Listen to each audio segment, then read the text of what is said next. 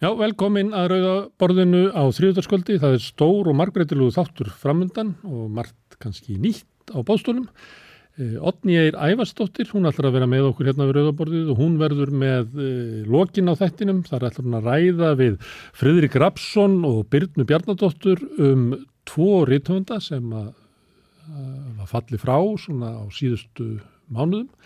Mílan Kundera og Guðberg Bergson, tvo óþekka rítvunda og ég held að við ætlaði að spjalla um það, hvernig rítvundar er óþekkir og, og afhverju þeir vilja vera svona á jæðri samfélagsins og ekki láta soga sig inn. Uh, við höfum rætt mikið um samkeppni og fákeppni hérna við Rauðaborðið og ég ætla að fá hingað fólk svona sem eru talsmenn markaðarins. Það er Ólafur Steffensen sem er frangværtastjóri félags uh, atvinnureikanda og Margret Krismansdóttir sem er frangatastóri FAF. Ég ætla að ræða við á um uh, skýslu eða úttekt samkefniseftilitsins á skipafélagunum og samskip sérstaklega um áhrif þess á uh, fyrirtæki og kannski svona um af hverju stjórnvöld ger ekki meira í málinu, af hverju uh, stór samtök fyrirtækja og, og fjármaks hverju þau er ekki með kröfur um að, að, að stjórnvöld styðji samkeppni heldur frekar að þau kannski styðji samruna fyrirtækja og stærðarhækvamni. Ræðum hér við markasfólk um markaspresti. Það voru mótmæli á Östuvöll í dag.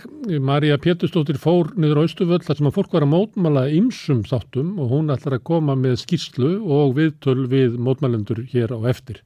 En áður en að því kemur og þá ætla ég að tala við Solveig Önnu Jónsdóttur, forman eblingar, um kapitalismann, um auðvaldið. Þannig oft sem að við heyrum auðvaldsfólk og kapitalista vera að ræða verklýsmál en nú ætla ég að snúsa við. Ég ætla að tala við verkalýðin um auðvaldið hér eftir augnablík.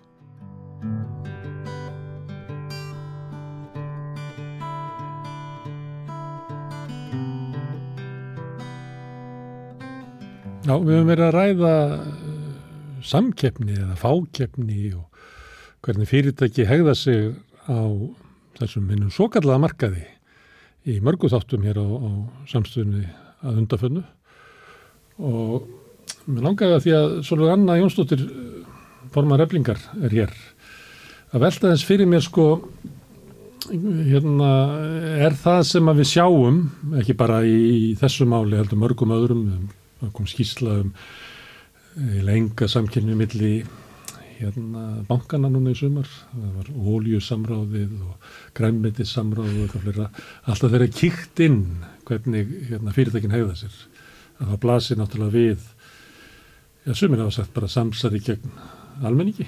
Mm -hmm. er þetta vegna þess að mennindir sem á stjórnussu fyrirtækjum eru íllir eða er kerfið ílt verður við bara að horfast auðvitað við það að svona hegðar auðvaldi sér? Já, um, ég, ætla, ég ætla að velja að síðast það. Ah. Svona hagar auðvaldi sér, komist það upp með það og hafið það tæki færi til þess. Því að kerfið kapitalismin sem að þetta fólk starfar innan um, snýst jú fyrst og fremst um það að hámarka þann gróða sem að þú getur búið til með einhverjum hætti Og öllum tiltakur ráðum. Og öllum tiltakum ráðum, já. Já, ég menn það getur farið þánga sannlega, þú ert bara bóslega að nota öll tiltakur ráð og, og þú notar þau tiltakur ráð sem að þér standa til bóða og því miður er það svo af því að stjórnulegt á Íslandi hafa ákveðið að starfa raunverulega fyrst og fremst sem einhvers svona framkvæmda armur eðvaldsins. Þá komast menn hér upp með ansi margt en ég ætla samt ekki að Um, taka þátt í því að reyna að halda því fram að hér séu hlutinir eitthvað endilega þúsundsunum verri enn annar staðar. Það eru augljóslega staðir þar sem hlutinir eru miklu verri enn hér en allstaðar um, á Vesturlundum og, og víðar þá sjáum við það um, hörfi stjórnvöld eða réttar að beiti sér ekki með eðlilegum og líraðislegum hætti og hörfi svo almenningur þá að sjálfsögðu er gengið mjög rösklega og rætt á lagið og það höfum við séð hér í því sem næst öllu á síðustu árum og áratögum og þú taldir hér upp um, svona hinn ymsu samráð þar sem að um, málinn snúast um það að reyna þá að græða meira á almenningi og að fara fram með einhver svona óbylgjörnum hætti hvert fólkin sem byrja í þessu landi. En þú nefndir ekki annað mjög mikilvægt samráð sem eru þetta samráðið um verð á vinnuafli sem er um, á milli markaða sérstaklega þegar það kemur að um, vinnuafli verka á láluna fólks um, sérstaklega þegar kemur að því að verðleggja vinnuafl verka á láluna hvenna, þar hefur náttúrulega verið í gangi mikið og ofstopa fullt á tíðum samráð um, og þetta fólk, þetta fólk sem að fer með völd hér víða myndi náttúrulega vilja fá um, heið endanlega samráðskerfi, saleg kerfi þar sem að það kemi þá saman án aðkomu fólksins sjálfs, um, almennings, alþjóði fólks og þar veru einfallega teknar emitt samráðs ákvarðin um það hvað verður í lagi að borga. Mm. En á vinnumarkaði, ef það er markaður, það er, þar er, er fjöldin með skipulag með sín verkefliðsfélug og, mm -hmm. og þar er viðurkendur baráttu aðferðir. Já. Viðurkend að, en þá er það viðurkend að launafólk megi fari verka. Sannlega. En á öðrum svæðum eins og neytendamarkaði þar er mjög veik neytendarsamtök og fá viðbröð eiginlega, ég held að komi í ljós núna til dæmis í sambandið samskip að almenni neytendur getur umvel ekki sótt skadabættur, þótt að skadin sé eiginlega öllum augljós. Ég vildi bara svona draga út þess að mynda af því að mín sín er svo aðeimitt eins og ég var að segja að menn muni sækja fram með, með þeim svona tólum og ráðamáttaðum sem þeir geta. Og að það hafa auðvitað verið mjög svona markusverkefni í gangi með það einmitt að gera þarna um, herrast eftir fólki í þessu samfélagi kleift að komast bara fram hjá því raunverulega að semja um kaupakjör mm. við vinnu aflið um, þannig að það var svona sápunktur sem ég mm. vildi benda á og já, vissulega sem betur fer að mörguleiti erum við hér með um, fjölmörg verkefliðs félög og búum enn sem komið er við góðan að mestu laga ramma Um, en ég minna við höfum séð það saman það síðasta vetur og, og það poppar upp þegar að hægra fólk fær tækifæri til þess að tjá sig að það þurfi emmitt að útvíka valdheimildir ríkisættasemjara um, vera með þetta sem við í eflingum kallar creeping saleg það, svona, það bara sækir mm. fram þó að það sé búið að segja viljum ekki þá heldur verkefni samt áfram. Mm til þess þá einmitt að komast á þennan góða samráðsstað sem að það fólk sem að raunverulega þrátt fyrir það búa í líðræðslegu samfélagi sækist eftir því að hafa líðræðslega völd kæri sér kannski ekki svo mikið um raunverulegt líðræði á endanum. Mm. Það er svo kom, ég held að verið samþitt í ríkistjón síðastliðið vor eða síðla vetrar um að auka völd uh, ríkisáttasemjara mm -hmm. til þess að hann geti stoppað verkull. Já, þetta, þetta átti náttúrulega að fara í gegn en fór ekki, fór ekki áfram. Mm. Það var samfélgt í ríkistjórn en fór, ekki ná þing. Akkurat fór ekki ná þing. En íslenska hægri menn og þá já emitt mm. aðra sem myndu ekki vilja láta flokka sig á hægrinu en, en þetta er allt orðið náttúrulega mjög rugglingslegt fyrir mm. okkur almenning. Hvar við áum að flokka fólk, já, vilja gera þetta. Mm. Það er nú ekki verið svona menningarlega spurning. Mm. Nú sjáum við svona hvernig hérna auðvaldið hefða sér. Og en samt lifið í samfélagi sem að ríkjandi trú að auðvaldið sé samherji almennings og hafi samilega hagsmunni. Mm. Kantu að útskýra hvernig það standa á því? Já, ég veit ekki sko hvort það er hægt að segja til ríkjandi trú en það er í það minnsta trúarbröð sem er haldið mjög að okkur mm. og í þeim blöðum sem við skoðum og í því svona aftrengrefni sem að við sjáum og jafnvel í pólitískum greinum sem að snústum það að reyna að vekja fólk einhvern veginn upp og útskrifir fólki það þarf að berjast til dæmis þegar við skoðum náttúruvend þá af einhverjum ílskiljanlegum ástæðum er þessu að það má ekki tala um kapitalismann og mm. það er þetta bara mjög slæmt og það er um, einstaklega ránt að ætla sér að fjalla um samfélagsmál stór mál, náttúruvend og svo framvegis og svo framvegis og sneiða ávalt fram hjá því að nefna kerfið og fyrirbærið sem að hefur skapað um, það ástand sem að ríkir í því samfélagi sem við búum í.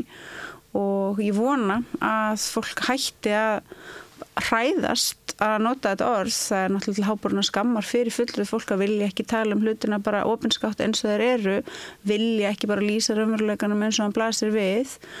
Mm, þannig ég vona að þetta fara að breytast og ég ég reyni alltaf að varðveita einhverja svona jákvæðni og bjart síni þó það sé ofta þetta bara mjög erfitt.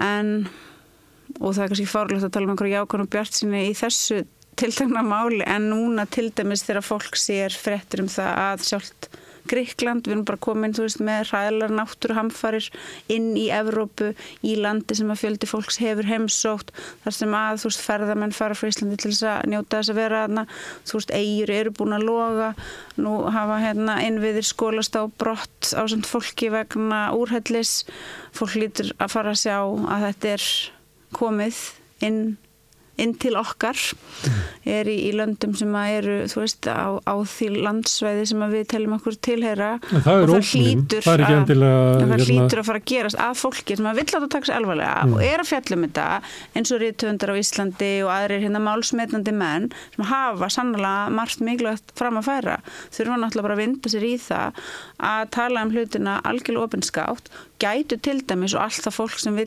kynna sér þessi mál lesið sænskan mann sem heitir Andreas Malm og þar vildi ég þá helst mæla með bók sem heitir Fossil Capital og ef einhver var ekki svona búin að átta sig á stóru myndinni þá mun hann gera það eftir lestur þeirrar bókar.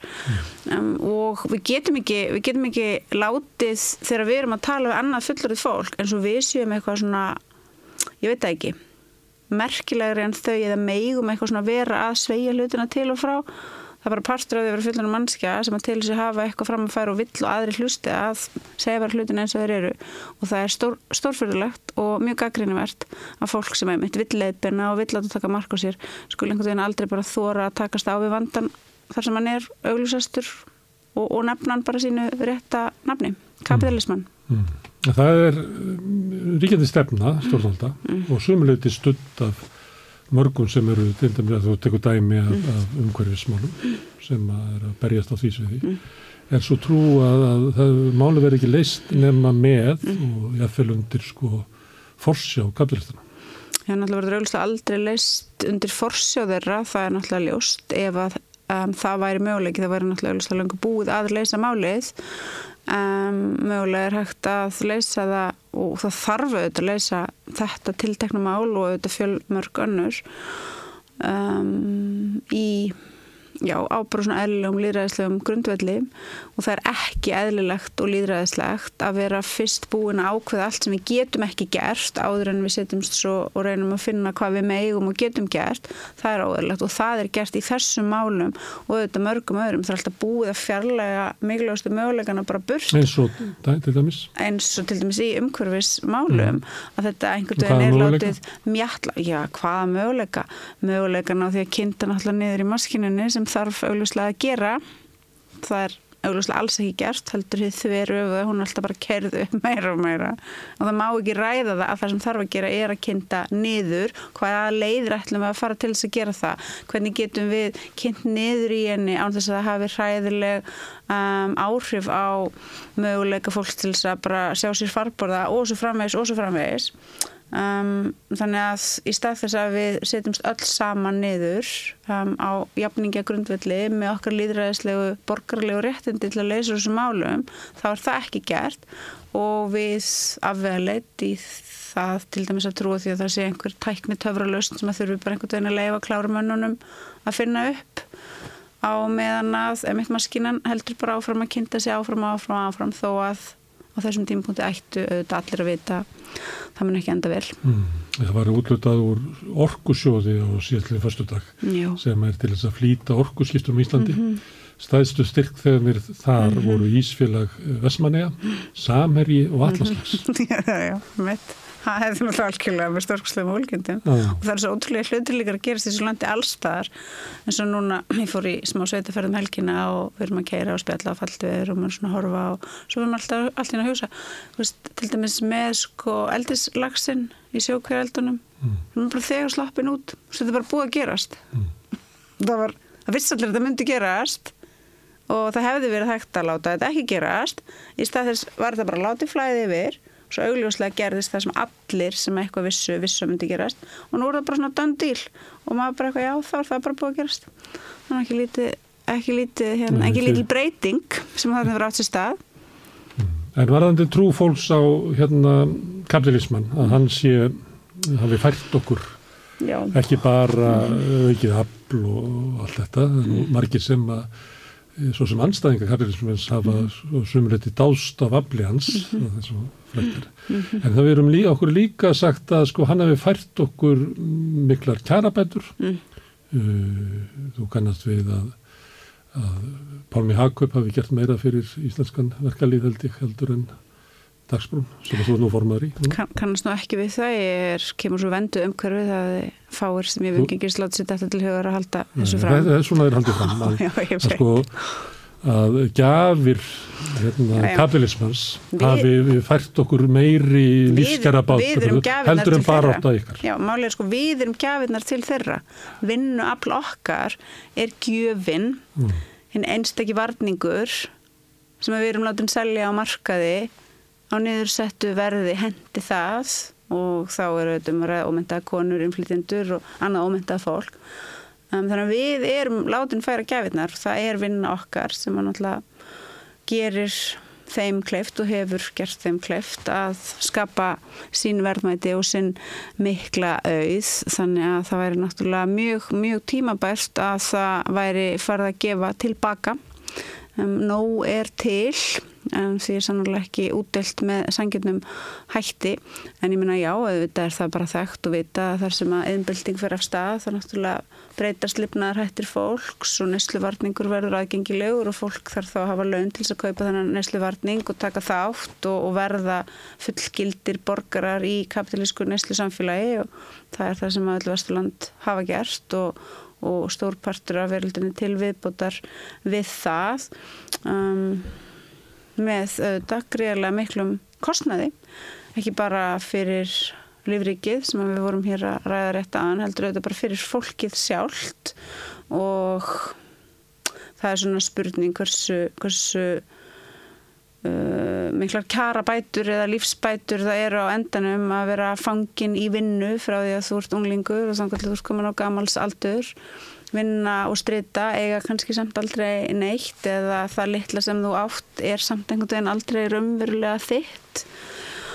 Ég veit ekki hvað fólki finnst um það. Ég held að þessi fjölmarkir sem að augljóslega myndu vilja að fá að haga lífi sínu með öðrum hætti. Ég held að þessi fjölmarkir eblingar meðlumir sem myndu gætnan vilja vinna stittri vinnuviku fyrir herri laun um, og eflust fleiri, ekki bara eblingar félagar en við þurfum líka bara að vera raunsæ og skynsum, það er bara mjög mikilvægt og manneska í minni stöðu uh, vilji hún fá félagsfólk til þess að koma með og hlusta og, og, og svo framvegis þá bara tökum við stöðuna í því efnagskerfi sem að við búum undir og í þeim aðstæðum sem við erum og reynum svo eftir bestu getu að finna leiðir til þess að bæta stöðu okkar á þeim tímapunkti sem við erum þá stödd á.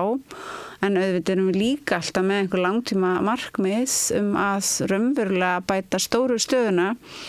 En eins og ég hef sagt hér áður og ábygglega oft um, veist, þá þurfum við fyrst að vinna vinnanlega sigra til þess að geta þá fært okkur eitthvað áfram og mögulega uh, fjölgað í þeim hópi sem að trúur því að það sé hægt að búa til og skapa annars konar veröld þar sem mm. að fleiri hafa það gott. En ef veltum því fyrir okkur að, að hérna, það er að horfast í augu við auðvaldið og kapitalismann og það er ekki frögursjón eins og þess að skýslu bænda til og margt annar. En ef við tækjum til dæmis bara þingheim sem svona mælikvarða á því hvernig Já. fólk hugsaður um þetta, Aha. þá finnum við engan uh, andkapitalistin á þingi af 63. Nei, ég hugsaði sér rétt sér, ég hugsaði sér enginn Er það ekki bara myndi... undur? Ég náttúrulega bara veit ekki hva, hvernig er að það myndir fara inn á annur þingi öðrum þjóðríkjum og spyrja auðvitað myndir einhver staðar og aflust viða í Fraklandi í Noregi í Þískalandi og eflust bara mjög viða myndir þú finna bara, já, alvöru andkapitalista sem að væru að takast á við barattuna út frá svona þessu starra sjónarhorni Um, ég held að það sé rétt, ég held að það sé engin einu á þingi sem að myndi einu sinni fara eitthvað sérstaklega langt í gaggrinni sinni á kapitalismann og það er þetta tengst því sem við vorum að ræða hérna áðan. Það má ekki, það má ekki segja þetta. Það ekki, að nefna eitthvað kerfi sem er búkslega allt um líkjandi sem snýst ekki bara um efnagslega framlegslu heldur bara um allt lífið okkar og hvernig við tengjum skort öðru og hvernig við lifum og svo framvegis. Að maður ekki tala um það. Já. eitthvað, eitthvað mjög bara gagla gú ástand já, já. ég, Ég er bara fyrir af er fyrir það svo? mig, Já. þú þurftir að finna einhver aðra mannski fyrir, að því fyrir mig er þetta svo stórkostlega fyrðulegt og Já. mér finnst þetta svona annars verður þetta bara hlægilegt og það er bara hlægilegt að sjá þetta en á sama tíma finnst mér þetta náttúrulega bara fyrðulegt og mögulega bara eitthvað óskiljanlegt og Mm. ég veit ekki af hverju þetta er svona hér ég veit ekki af hverju þetta er svona áberandi hérna meira heldur en annars þar Já, eflaust meira heldur en annars þar en ég meina já, Til- ég, bara, ég, ég hef ekki sörð ég hef ekki sörð Mm. Við höfum náttúrulega ekki, vorum ekki til í miðaldakirkjunni 1300 og 1400. En maður getur ímyndað sér það að kannski sé það jafn erfitt að, að, að efast um kapitalisman núna eins og menn hefðu bara upp á þegjanda hljóði efast um tilviskuðus. en þú veist, við getum náttúrulega ekki bara að orða eitthvað svona eigin þar sem að við bara eitthvað, nei, nei, nei, nei, nei bara, þú veist, ekkert að gera því að guðlast hér og bara, þú veist, gera fólk eitthvað brottrækt að leifi sér að efast. Mm. á meðan að allstaðar í kring er fólk að mynda að segja eitthvað svona, já, er ekki tíminn? Er ekki emmi tíminn raunin upp til þess að efast? Og frá 2008 hefur náttúrulega fólk verið að segja það mjög mikið, sko. Og við einhvern veginn efiðumst mjög þá. En svo, svo hérna svo yfir allt sko. Og nú eru fáir sem er svona explicitly ræða það en auðvitað vissulega til fullt af fólk sem gerir það. Mm. en það er allavega ekki á þingi mikið ég veist það. Ég ætla að halda áfram að leggja þess að þraut fyrir. Já, Af því að þetta er náttúrulega, við, erum, við horfum inn á hérna auðvaldið, það sem er bara nýðast á, á, á samfélaginu. Og þegar menn er að segja þessi samsargið þjóðinni þá er þetta ekki einhverja svona djarfar álíktanir, þetta er eiginlega blasið við af, af skýslum þessarar hérna, bla- blasið við þessarar skýslu og víðar. já, Við sjáum eigðileggingu náttúrunar þar sem að, að þetta kerfi er að, að ganga frá því. mm húsnæðismarkaðin sem eðilegu líf fólks Já, húsnæðismarkaðinn og, Mhm. og sjáum hérna eigðilegginguna víða. Mhm. Hvað er það sem að veldur því að fólk þorir ekki að, að hérna, tala um þetta opinskátt? Nú ætti þetta bara að vera rætt í svona venjulegum fréttatímum og spjalláttum og, og morguleikuminni og út um allt. Sko, hvers vegna veist ég er að bara, er, er fólk hrætt um að ef það ekki- andmælir kapitali- kapitalismun og þeir lifir inn í hans heima það verður bara fordæmt? álitskjafarnir og þeir sem eru svona að setja fram svona sínina og svona stýraði hvernig við hugsaum um þessu hluti ég held að þeir mögulega bara sé ekkert komnir á þannan stað vilja ekki fara á þann stað að nefna þarna sögudólkin þetta kerfi, að, mögulega að það sé eina liðin til þess að, að framfæra sér, þetta verður hluta þessu kerfi. Já og ég held að það sé ekkit bara það, ég held að þú veist, fólk hefur bara alls konar skoðanir og eins og þetta margir vita maður veit ekki hvað maður veit lítið fyrir en maður áttar sig á því og fer að skoða það og ég held að margir vegna þess að þeir hafi bara ekki skoðað um, sögu kapitalismans og kapitalisman sem kerfi þá og nú. Einfallega bara mögulega vita þetta ekki. Þannig ég er ekkit endilega vissum að séu hjá þessi svona hverstagslegra fólki sem að þó hefur status eitthvað svona, þú veist, ef ég, ef ég segi eitthvað ljótt um kapitalisman þá, en svo gerst það þetta bara líka, ég minna góðum með góður það er náttúrulega mjög mikill makarþísmi á Íslandi, gagvart fólki sem að leifir sér actually að stíga skrefið og vera svona fremur militant í sinni framsetningu. En Er það þá uh, afgreitt eins og að sé út úr umræðin? já, bara eitthvað að klikka á vont Ef þú alltaf og fá að taka þátt í almenn umræð á Íslandi að þá verður að, að annars, kingja kapitalismin. annars erstu bara ásökuðum að hafa borðið ábyrða á einhverjum glæpum sem að framtir voru einhver starf langt í burtu fyrir löngu síðan. Og það er náttúrulega fórlega en ég veit ekki alveg veist, ég veit ekki alveg hva, hvað að hverju þú ert að að spyrja mig sko, hvað hérna Ég er bara að velta undrast Já, á þessu afli sem að þarna er, bæði náttúrulega hvernig það getur en sko, ok, við hugsim bara fengið sínu það er fram í engin- samfélaginu, en, en, líka hvernig það getur sko haldið eða aftur af umræðu um sína eigin En ef þú tilvist. horfir til dæmis eins og inn á alþingi þar sem að þær flokkar og enginn af þessum flokkum er með einhver explicit stjættagreiningu þú veist hvað þá að vera með einhver svona andkapitalist hérna einhverja nálgun. Ég meina jú það er þarna eitt flokkur sem þú getur ennþá farið og lesið samþyktir vinstri græni eru ennþá með það á heimasíðinu sinni um þú veist alls konar hérna antimperialismi og svo framvegis. En þú veist að vita allir þau sjálf allra best að þetta er algjörlega bara einskis virði, þetta er bara eitthvað orðarsalat sem að ef það þýtti einhvern tímann eitthvað þá er mjög langt síðan að það gerði ekki og, um, og það er bara staðrind í Evrópu uh, og hægt er að lesa um það í ágætri bók sem heitir Ruling the Void þar sem að það bara reikið með bara svona skilmerkilegum og hérna vísindarlegum hætti að þegar að flokkar hætta að vera í alvöru flokkar hætta að vera einhvers svona liðræðis vettfangur þar sem að það er kjósendahópur svona constituency og svo er stjórnmálfólki sem hefur umbúið frá þessu fólki og það er þeirra starf að starfa eftir því sem þetta fólk ákveður og vinna þeirra hagsmannamálum og þegar það hefur orðið algjör svona aðskilnaður þarna á milli og það eru engir flokkar sem eru einhvern veginn í talsambandi raunverulegu við til dæmis vinnandi fólk, við verka á láluna fólk, heyr ekki hvað þau segja þá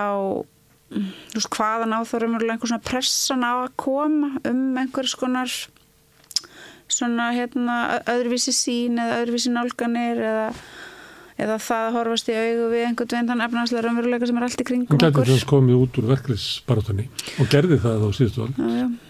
En, en þarna náttúrulega gaggríni og efasemtur og kapitalismann komu út já, úr verklisbarátunni. En þannig er þú, já, ég verð svona að reyna að finna einhverju staði svona til þess að standa og ræða og ég get ekki verið á þeim öllum í einu um, en þarna til dæmis held ég að þetta hafa alveg mikið að segja um það hvað þetta er svona þú veist, það gerast bara ótrúlega hlutir, gerast ótrúlega hlutir hérna.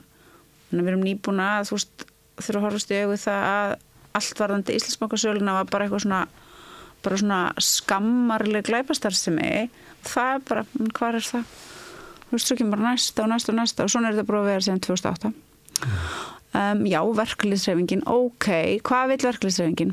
Það er nú góð spurning, henni er nú ekki einfalt að svara, verkefliðsreifingin, allþjóðsambandi, tölum bara um allþjóðsambandi af því ég tilheyri því og ekki öðrum reifingum. Uh, þar eru fjölmarkir, þetta er á endanum hérna, verið að representera 130.000 manns og af þeim eitthvað 150.000 sem er áslið virkir á vinnumarkaði.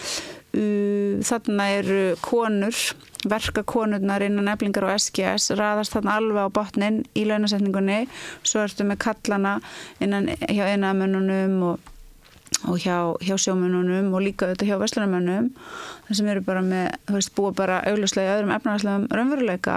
Samt er þetta fólk þarna saman inn í þessu stóra sambandi að reyna oft ekki eftir bestu getu en stundum eftir bestu getu að reyna að finna einhverjar leiðir til þess að vera saman meðan að þetta er staðan að veist, það er raunverulega ekki einu svona vittneskjum á þessum tímpunkti mun hreyfingin geta staðið saman um það að sækja fram á stjórnvöld mun hreyfingin geta staðið, um, staðið saman um það að það sé ekkert annað í bóði á þessum tímpunkti heldur en að standa með þeim lagslöðnustu hvernig að þá hreyfingin einu svona geta að ráði við það að vera artikuleira einhver svona flókin og stór hérna mál setja fram einhverja stóra og afdráttalösa en vel ígrunda stöðu og mat þegar að orkan er annars vegar einhvern veginn í að reyna að finna út úr þessum hlutum.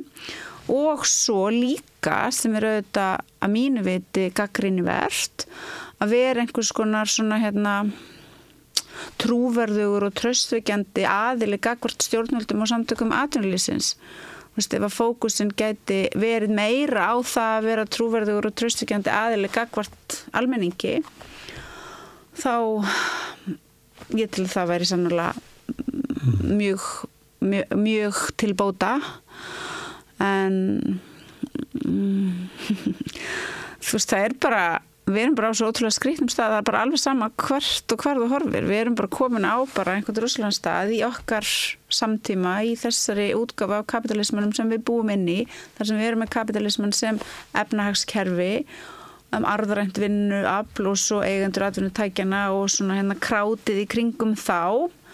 Og svo erum við með kapitalisman sem hérna svona social control kerfi og, og sérstaklega nýfrælsíkjan náttúrulega einstaklega öflug sem slíkt kerfi þar sem að slutinni bara breytast svo ótrúlega rætt ég meina að bara allt breytist bara allt í einu og þá er það bara komið til að vera. Pingur svona eins og eldislagsin fer bara og svo bara allt í einu ekki til einhver, einhver svona hreitn og góður íslensku lagast það þarf að koma einhver öðruvísi. Og það er bara búið að gerast, ok það er það bara búið að gerast. Og svona er öllu veröldinni kringum okkur. Mm. og það er ekki skrítið að verkefnið sé einhvern veginn svona ótrúlega vandarsamt og pingu oft svona einhvern veginn óeyfistíðanlegt hvernig getum við komist af því að vera að berjast fyrir bara svona mest basic grundvallar atriðunum eins og því að fólk fái laun sem það getur lifað af og fólk hafi húsnaði til að búa í. Um, hvernig getur við þú veist, list þessi svona átök innan reyfinga vinnandi fólks þar sem að sömur eru búin að verða með þetta sig sjálfa og það er orðið samfélagslegt gildi miklu verð meiri heldur en aðra hópa sögum um, upprunalands um, sögum mentunar og svo framvegis. Og innan reyfingarinnar sjálfurar virðist ekki algjörlega sjálfsagt að þessir einstaklingar og þessir aðalar og þessir félög sem hafa fengið þetta leifi frá samfélaginu að þau bara noti sitt power sem þau fá út frá sem samfélag og gildum til að halda hinnum niðri. Við þurfum að leysa þetta og ef að við erum dugleg og tökum ábyrð okkar alvarlega og horfumst í auðvið það hversu raunverulega alvarlega vandamálin eru og að þau verða ekki leist nema með alvarlegum aðferðum þá, þá getum við kannski komast eitthvað aðeins áfram en ég held að sé mögulega doldið langt í það sko. Mm. Her, þá skulum við hérna færa okkur kannski hérna bara inn í daginn og eins og þú lístir að þá er verkefnið er að bæta kjör uh, launafólks, verkafólks mm -hmm. inn í þessu kerfi. Mm -hmm. og það er verka, verkafólk hefur eflingu sem tækir til þess. Mm -hmm.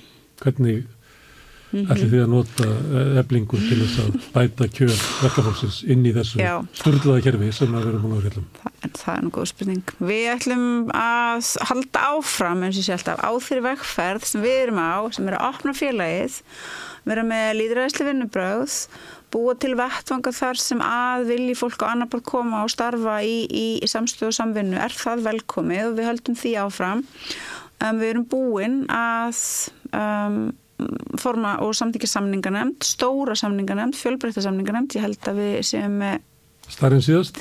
Mjög svipað, 88 manns og þar erum við náttúrulega núna komin á þann stað við erum heppin, við erum alltaf með fleiri og fleiri virka þáttakandur sem að það, það, það fjölgar í eh, hópi þeirra sem hafa farið í gegnum um, þar sem við erum að gera og, og hérna, vilja halda áfram og það er náttúrulega mikið gleði efni og svo þurfum við þetta núna bara setjast niður, halda okkar fund um, útbúa kröfugerð Um, um, og svo erum við að gera aðra hluti við ætlum til dæmis að vera í fyrsta skipti með mat og menningu 2004. september það, það er um, atbyrður sem að svona hérna flinkustu kokkarnir í okkar röðum af því við náttúrulega erum, við erum mjög hérna mjög fjölbreytt og fjölþjóðleg og innan okkar aða er fólk sem að hérna vill um elda eftir svona sinni matarmenningu og halda henni lefandi, við erum í þakkt fyrir það og við höfum oft fengið að smakka alls konar góðgæti.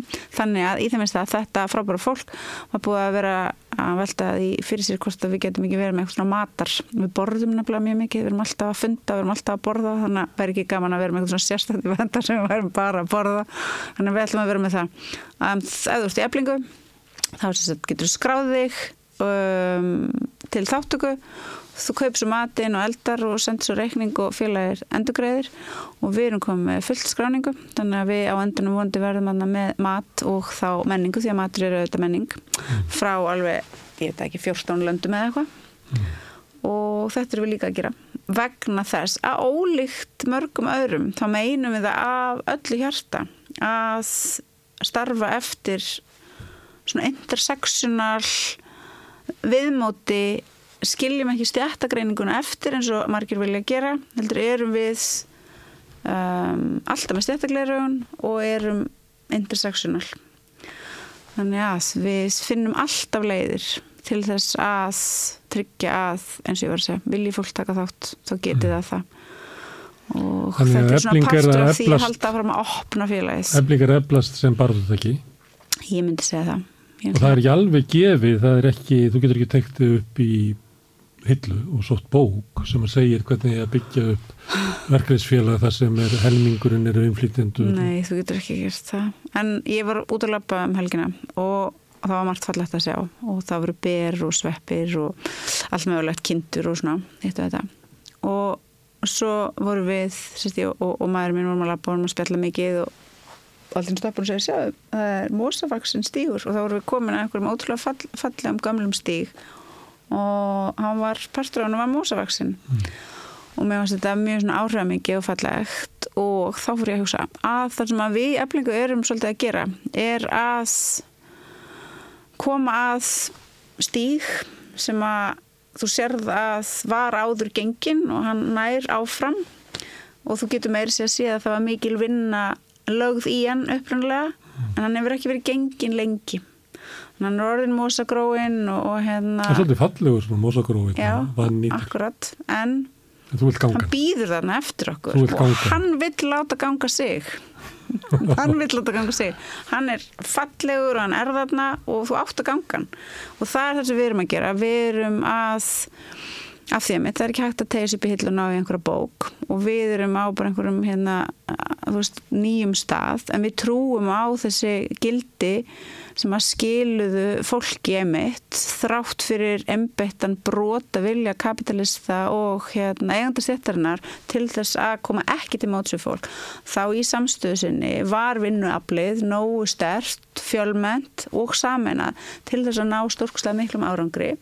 Og enn sem komið er, er ekki búið að þurka það út úr heilum okkar vittneskinu um þetta og við vitum að það sem skiptur okkur mestu máli er eitthvað sem að bara venjulegt alþjóðu fólk náði að byggja upp. Og þetta er sá stígur sem við viljum feta. Okkur finnst þann vera ekki bara fallegur heldur líka bara svona frekar og nokkuð breyður þannig að við heldum bara áfram. Svo verður þetta góða ferð Takk fyrir, takk fyrir. Herðu, við ætlum að bara hérna smá leiðangur. Uh, Marja Péturstóttir fór niður á Östurvöll í dag og þar voru margir að mótmála ímsum hlutum og hún ætlar að reyna að segja okkur frá því og fara með okkur á Östurvöll þar sem að fólk er að tjá skoðanir sínar, fólk viða að. Já, ég kýtti í bæin í dag á mótmæli sem að skipilöð voru af No Border og Solaris, uh, samstöðu mótmæli með uh, flotta fólki og teilefnið var náttúrulega þingsetning uh, alþingis.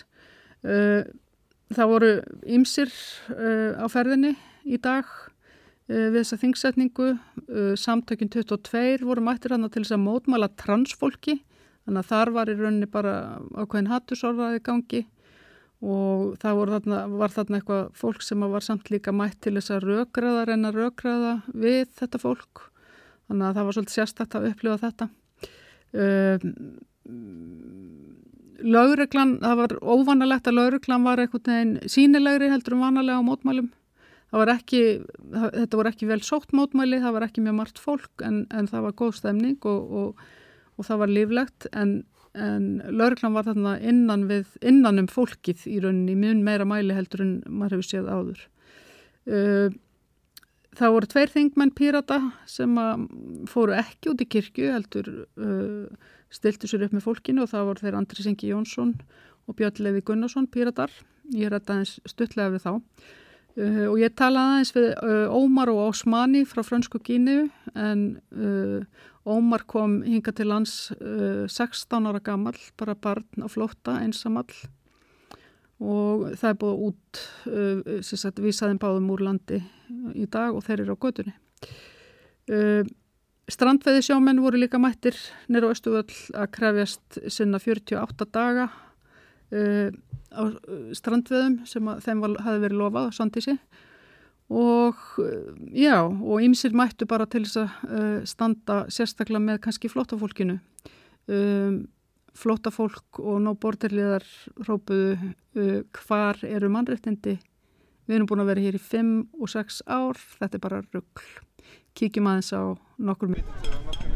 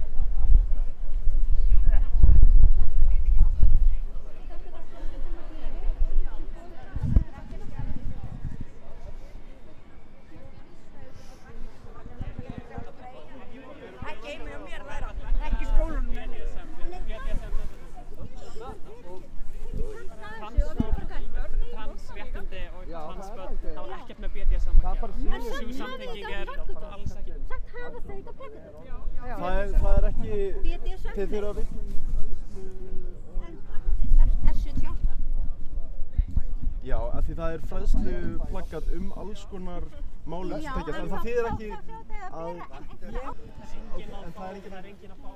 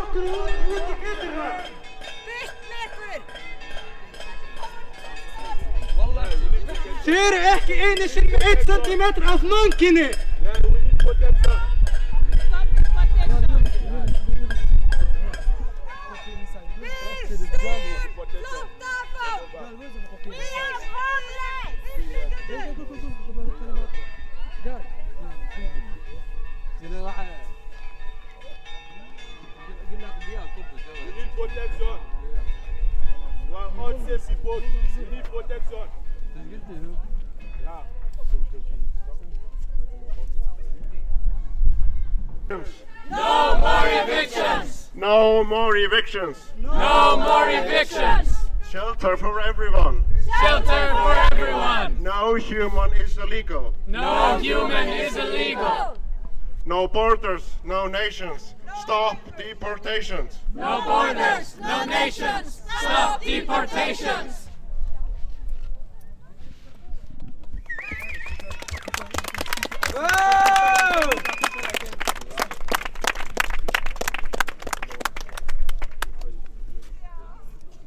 Mér líkur forvetna á að vita, já, það er svolítið öðruvísi núna ef maður leitast hérna þegar að vera að mótmála. Því þau eru svo margir hérna meðal fólksins hérna megin við gerðinguna. Er það eitthvað svona ný taktik eða Ekki mér, ekki mér vitanlega. ekki þeim vitanlega? Nei. Takk. Herru, þú ert hérna bara mættur þingmaðurinn hérna fó, í fólksins megin. Já, ég hef ekkert í þessa kirkju að gera, minnst þingið bara eiga að setja sig án þess að, að hérna, messa fyrst. Þannig að eh, upplagt að nýta þennan hálftíma með þau í domkirkjunni að, að hitta fólk. Standa með fólkinu. Já. Hvernig, hvernig slæðir það þig, þessi mótmæli hérna fyrir framann? Kemur þetta þér eitthvað óvart? Þetta er náttúrulega, þetta er daldil blanda, hérna er fólk sem að ég er hjartanlega sammála að, að eh, mótmæla vegna illra meðferðar á fólki að flótta og svo er þetta fólk sem er, ég er hjartanlega ósammála sem er að berjast gegn mannrétta samtökum. Það er svolítið svona, það er kannski Hefur þú séð það áður hérna? Nei, ég, ég man ekki eftir mótmælum sem snúast ekki beint að einhverjum aðkjörum stjórnvalda heldur beinleinis að fólki sem er að standa með jaðsettum hópum. Og þetta er svolítið sorgleg þróun. Já, kannski, kannski þetta dæmi um það sem við erum að sjá í samfélaginu svolítið svona bara, já, breytingar hvað var það mannréttindi? Já, við erum að sjá hellingsbakslag og, og því miður er ríkistjórnin ekki að bæta þar úr. Þau, þau næra, já, næ, næ, næra alls konar orðræði sem, sem síðan endar bara með uh, svona mótmælum.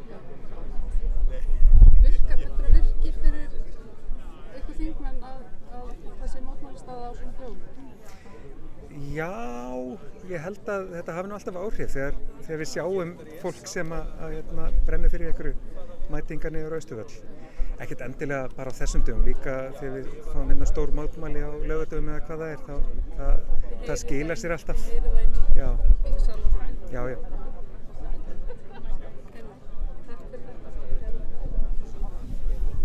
Sæll Björn, þú ert hérna fólksins megin líka eins og Andri Singi.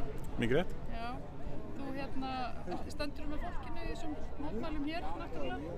Ég bara Einhverju? er almennt síðan móti valdinu. Almennt sé á móti valdinu. Þannig að hérna, og þið hefur náttúrulega haft ykkur svolítið mikið fram með píratar í varðandi útlendinga. Varðandi brot á mannrættindum. Svo er annar hópur þarna að- sem að velti fyrir sér hvað, Um, um hvað máli um snýst. hvað máli snýst. Já, það, það vantar hans mikið inn í umræðin og svona heldar mynd til þess að, að geta... Tekið tek- afstöðu? ja, Nei, ekki, get ekki afstöðu. Sko, mótmælinn, þar eru... Það vantar stóra hluta af sögunni til þess að mótmælinn. Haldi vatni. Haldi vatni, já. Já. Það er vel, vel orðað. Já, ég var einmitt að spyrja Andri Singaði á hvort það svona mótmæla staða virki á svona dögum fyrir eitthvað þingmenn. Já, ég held hún gerir það tímanlust. Það er að hurðin opnast þarna og fólk fer að ganga út á móti fólki sem er ekkert rosalega ánægt. Það, það, það er enginn sem er hress með það. Nei, einmitt. Já. Ég ætla, hérna, annað sem ég ætla að spyrja þig, eh, núna sérst þið þingsetning og þið uh, nú bara verið að býða rosalega mikið eftir hvað ætla ríkistjórnin og þingið að gera í málefnum hælsleitenda af því það er bara neyðarástand í gangi fullt af fólki 60 manns komin á göduna uh, eru þið að fara að berjast í þessu máli? Við erum alltaf að fara að leggja fram frumvarp til þess að leggja niður þessar þjónustuskerðingar og sjá hver hljómgrunnurinn verður þar. Það hreyfist því miður allt á, svona snílsraða hérna á þinginu. Þannig að þegar allt kemur til alls þá er þetta ríkistjórnar mál að gera eitthvað í. Við, við, við ítum við eins og við getum. Fenguð, hafið þið fengið aðra flokka með ykkur eða er, er það bara þið píratar? Ég held að það séu örglega einhverjur aðrir en ég er ekki búinn að kíkja það alveg ný, nýlega. Ég held að voru að það séu fleiri. Já, Takk fyrir það. Þú, hvað hva heitir þú? Eh.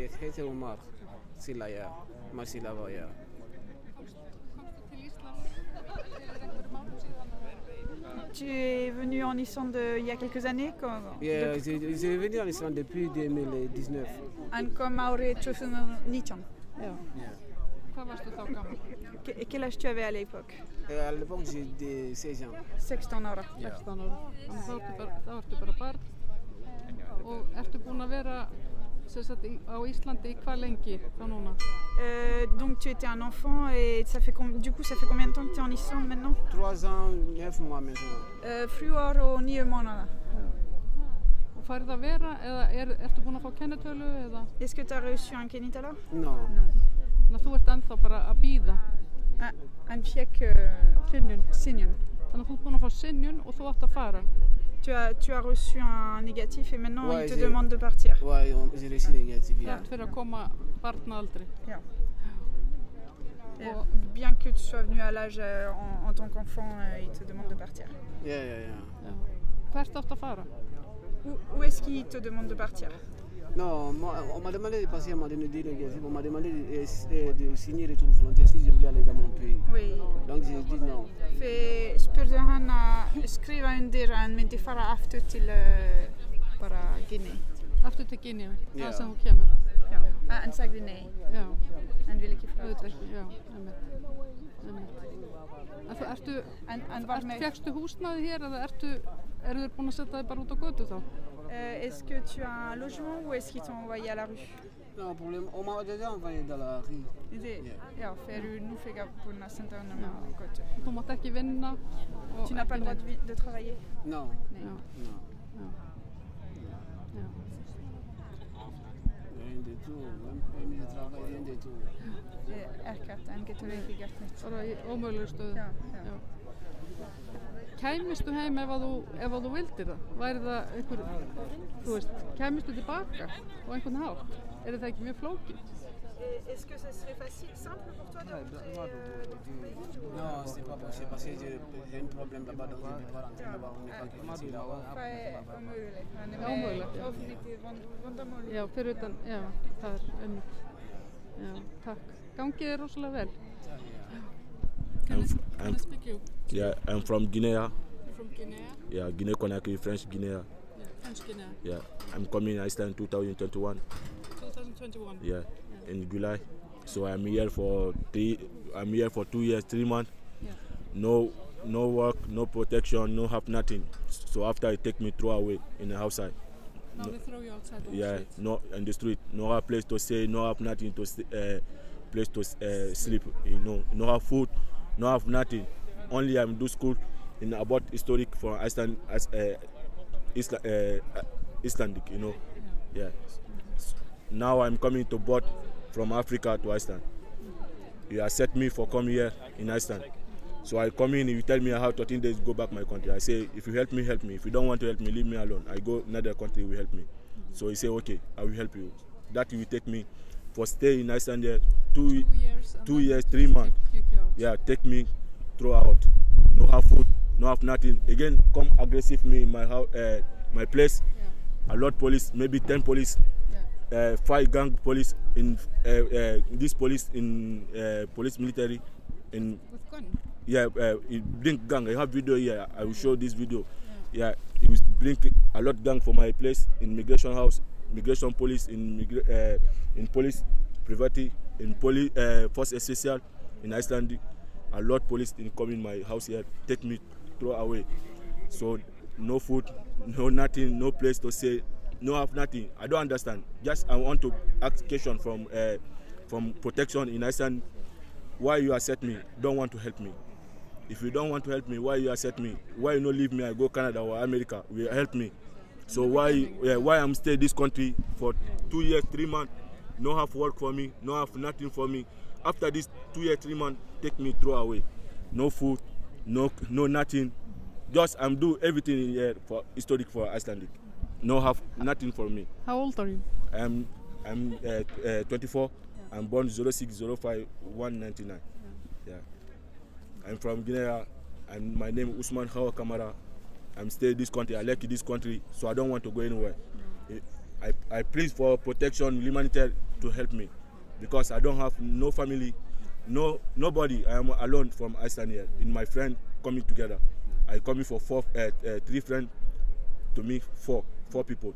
So we are here to have protection for two years three months migration reject reject i don't have problem for him. I don't have anything problem for migration. I don't know why he reject reject me.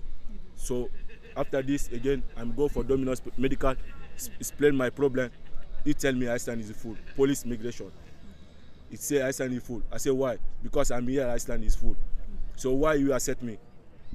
Why you accept me for stay in this country two years three months? You don't want to help me. Just to, just to throw you yeah outside. throw away. So i'm working for iceland. I don't know. In uh, joking now. Please protection humanitarian help me. I need help for you. I am son for you. I'm kid for you. I'm brother for you. So i'm here. I like this country. I, I don't go anywhere. You must to help me my protection. That i'm here. Yeah. So much. Yeah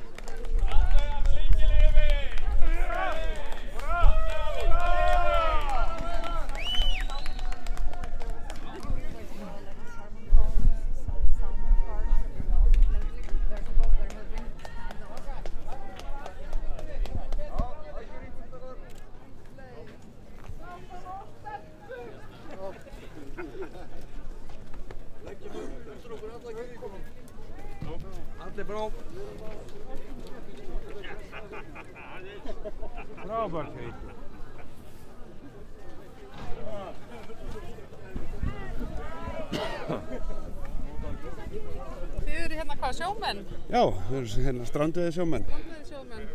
Já, Þið eru að mótmæla, hvað, hamfara? við erum að vekja aðtegli á, á því að við ekki fengið 48 daga á strandiðum eins og, eins og eins og lofaðir búið lofað var. Já, Haldið að það gerist eitthvað? við erum að vona það, já. Gangi ykkur vel. Já, takk.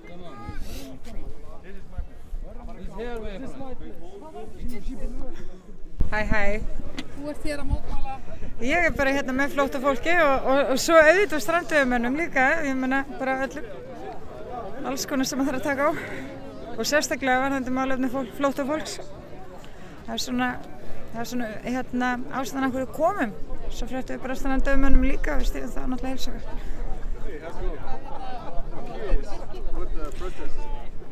Það, Allt virkar, allt virkar á einhvern hátt.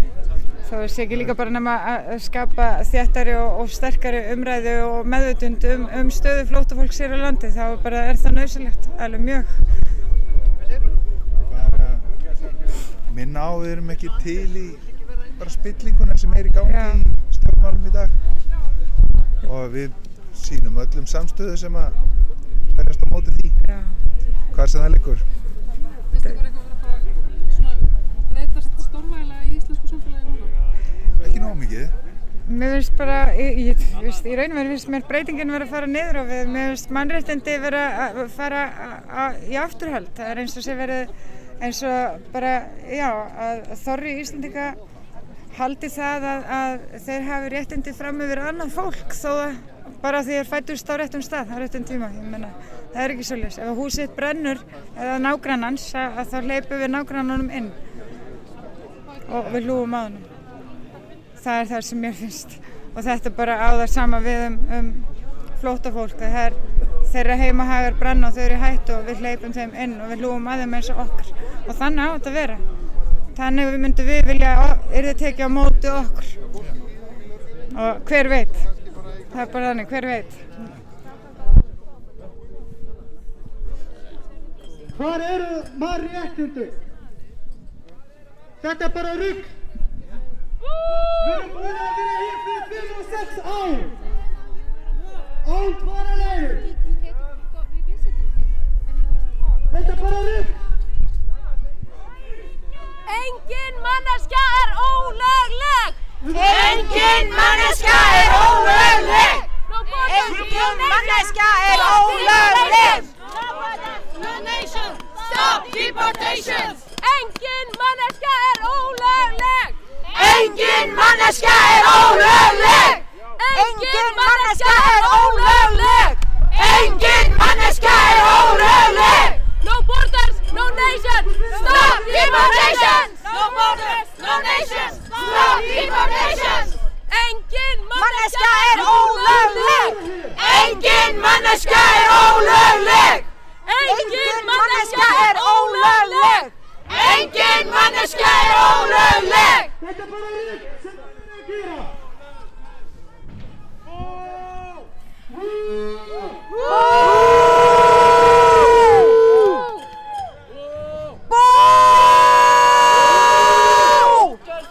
Hjálpum við fólki á flóta!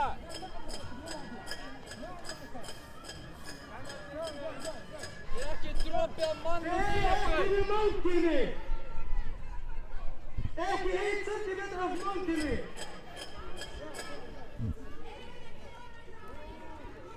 Engin manneskja er ólögleg! Engin manneskja er ólögleg! Engin Manneskja er ólögleg! Engin manneskja er ólögleg! Engin manneskja er ólögleg! Engin manneskja er ólögleg! Nema þið! Nema þið! Fishing up, good focus,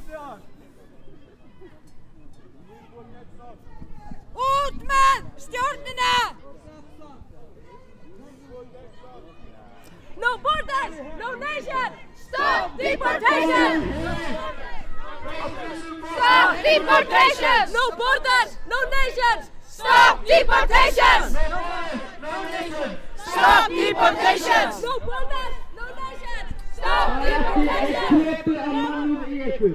Þetta er ógeðsleg framkoma. Fokk ykkur upp. Já, þetta var uh, staðan í, á Östuvelli í dag í hátteginu. Uh, við höldum áfram að fylgjast uh, með málöfnum flóttafólks og vonum að- að eitthvað fara að gerast á þinginu. Við fylgjumst náttúrulega með því líka. Uh, hér á eftir uh, ætlar uh, Gunnarsmári að ræða um samkeppni eða skort á henni áfram við hann Ólaf Stefinsen, framkvæmtastjórafélags atvinnurekanda og Margreti Krismansdóttur, framkvæmtastjóra PFAF. Já, við ætlum að halda áfram að tala um samkeppni eða kannski skort á samkeppni. Við gert það svolítið ja, undanfanna viku hérna við Rauðaborðið, fengið inn alls konar fólkingað, fólk úr háskólanum, neytandarsamtökunum, verkefliðsreifingunni.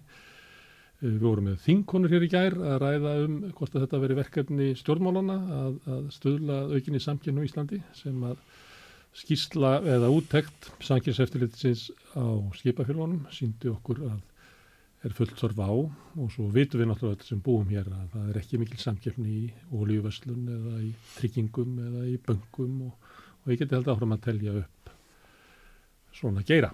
En hingaði komið fólk bara beint af markanum, það er ekki óvægt að segja það. Hér er Margrét Krismansdóttir, frangöldastóri PAF og Ólafur Steffensen, frangöldastjóri félags atvinnugöta. Má ég byrja að því ég reknaði með því það sem að kallast markas hyggjufólk sem ég er ekki að, í þeirri merkingu. Er þetta ekki bara erfitt að vera að hafa trú á markanum á Íslandi í dag þegar að, að þegar að sérst inn í það hvernig markaðurinn aktar þegar að enginn sér til? Jú, ég held að þegar svona atvik kom upp að þá sé þetta alveg bara gríðala slemt fyrir viðskiptalífið í hildinni, en að viðskiptalífið fær bara á sig þann stimpill að, að allt viðskiptalífið sé spilt. Og hérna við séum endalust að tala við hvort annað og reyna að komast hjá samkeppni og, og reyna að halda verðum sem hæstum. Og ég held að þetta gefi hérna mjög skakka mynd vegna þess að heilt yfir þá held ég nú að Íslensk viðskiptalíf sé að stand, standa sig bara í flestum tilfellum mjög vel. En þegar svona stórir aðilar í rauninni bregðast okkur vegna þess að Það er svindlað á þér. Það er svindlað á mér, það er svindlað á Mm. hverju einasta fyrirtæki, venn að segla öll fyrirtæki á Íslandi þurfa að flytja inn vörur og þegar svona félagar okkar sting okkur í bakið og valda því að verðin okkar þurfa að vera herrið en þið þyrft að vera, þá er þetta náttúrulega bara ömurlegt mál fyrir alla aðila, bæði fyrir viðskiptilegu heildina og líka fyrir íslensk heimili. Mm. Ólafur, þið hafið og þú hefur maldaði móin, hvartaði fyrir þessu. Já. það er ekki að heyra í félögum þínum í samtökum aðurlýsins eða viðskiptaráði. Ég sé ekki viðbröð frá þeim. Nei, akkur allir það sé. Ég, það er spurningin. Er þetta tvískipt? er þetta bendið til þess að þetta sé tvískipt? Eh, Tvískipti málsvarar, annars verður við með SA og viðskiptaráð sem eru fulltrúar allra stærstu eiganda, allra stærstu fyrirtækjana og ríkasta fjármáksegandana.